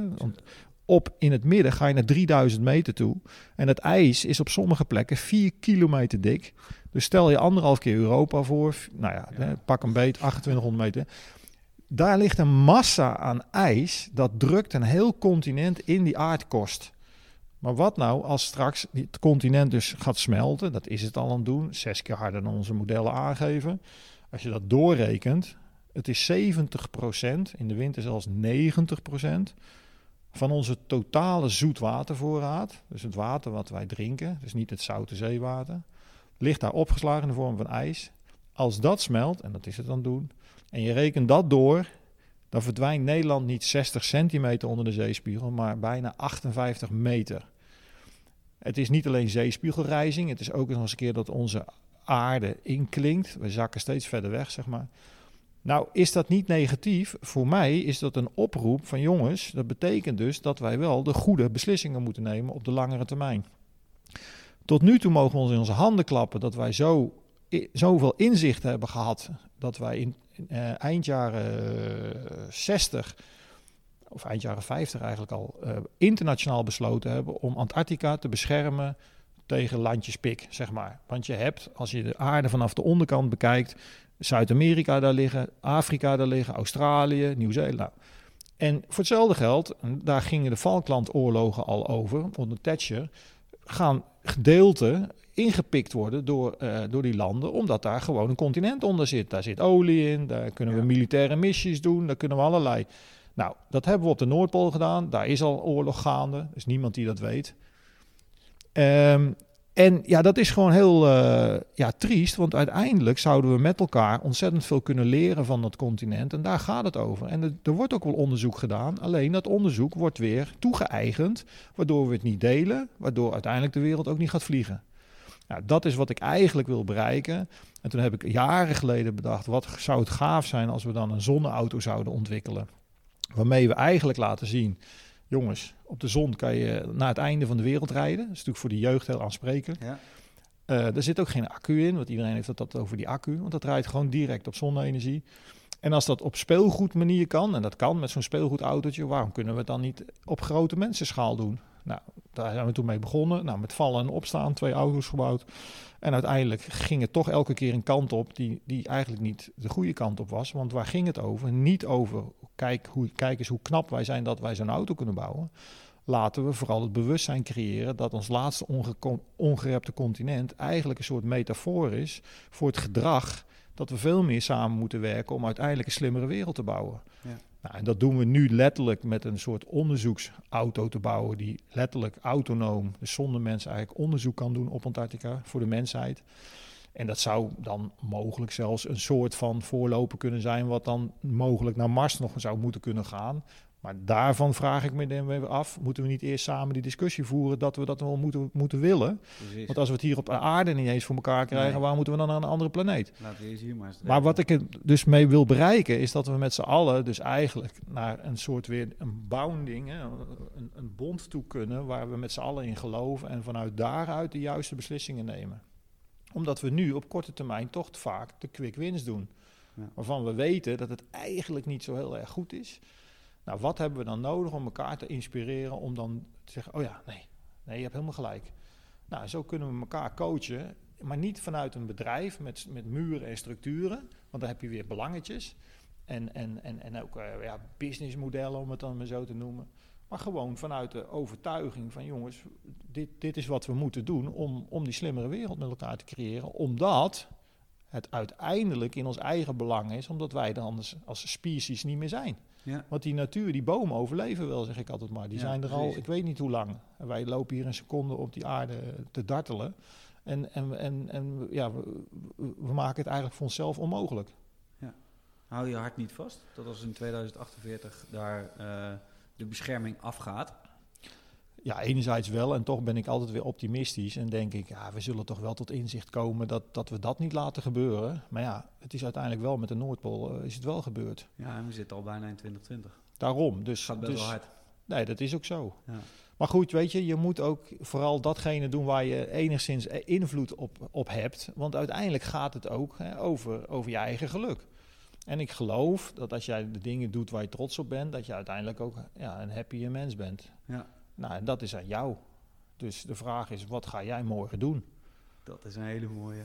Zullen we hem daarmee afsluiten? Is goed. Wat ga jij morgen doen? Mooi. Hey Wilco, hartstikke bedankt voor je Ja. tijd en eh, je inspirerende verhaal. Graag En gedaan. eh, ik ga je volgen, man. En Top. ik ga me ook even afvragen wat ik eh, nog zou kunnen betekenen voor 2048. Leuk. Bedankt. Welkom. Yo. Hey, daar ben ik weer. Nou, dat was een heel mooi gesprek met Wilco. En het was voor mij ook een fantastische afsluiting van eh, 2019. Ik heb in dat jaar eh, met heel veel persoonlijke helden, waar Wilco er ook een van is, eh, mogen spreken. En eh, ik ga dat in 2020 gewoon lekker blijven doen. Natuurlijk eh, nogmaals even de oproepen. Willen jullie meedoen met de walk? Dan eh, laat het eventjes weten. Je kan mij gewoon een mailtje sturen. En eh, dan breng ik Wilco op de hoogte eh, dat je ook meegaat. Hoeft niet per se, je kan ook gewoon naar zijn site gaan. Ehm, die heb ik al genoemd, hè. dat is www.teamwilcovanrooyen.nl. Maar nogmaals, je mag mij ook even een mailtje sturen. Sowieso vind ik het wel leuk om even te horen eh, wat je ervan vindt. Heb je nog ideeën voor de podcast? Ehm, ik wil dit jaar natuurlijk eh, een volgende stap gaan zetten binnen het maken van de podcast. Dus eh, nog meer mensen interviewen, nog meer mooie lessen leren en eh, vooral ook mijn bijdrage leveren aan het onderwijs. Ehm, mij kun je mailen op david@12-waves.nl en eh, als je meer wil weten over de Heldenreis, dan ga je naar www.deheldenreis.nl. Een persoonlijk ontwikkelingsprogramma wat eh, ik geschreven heb voor het basisonderwijs. En we zijn bezig om dat natuurlijk uit te gaan breiden naar de middelbare school. En hopelijk daarna nog veel meer. Nou, ik wens je een fantastisch 2020 en eh, tot snel. Doei.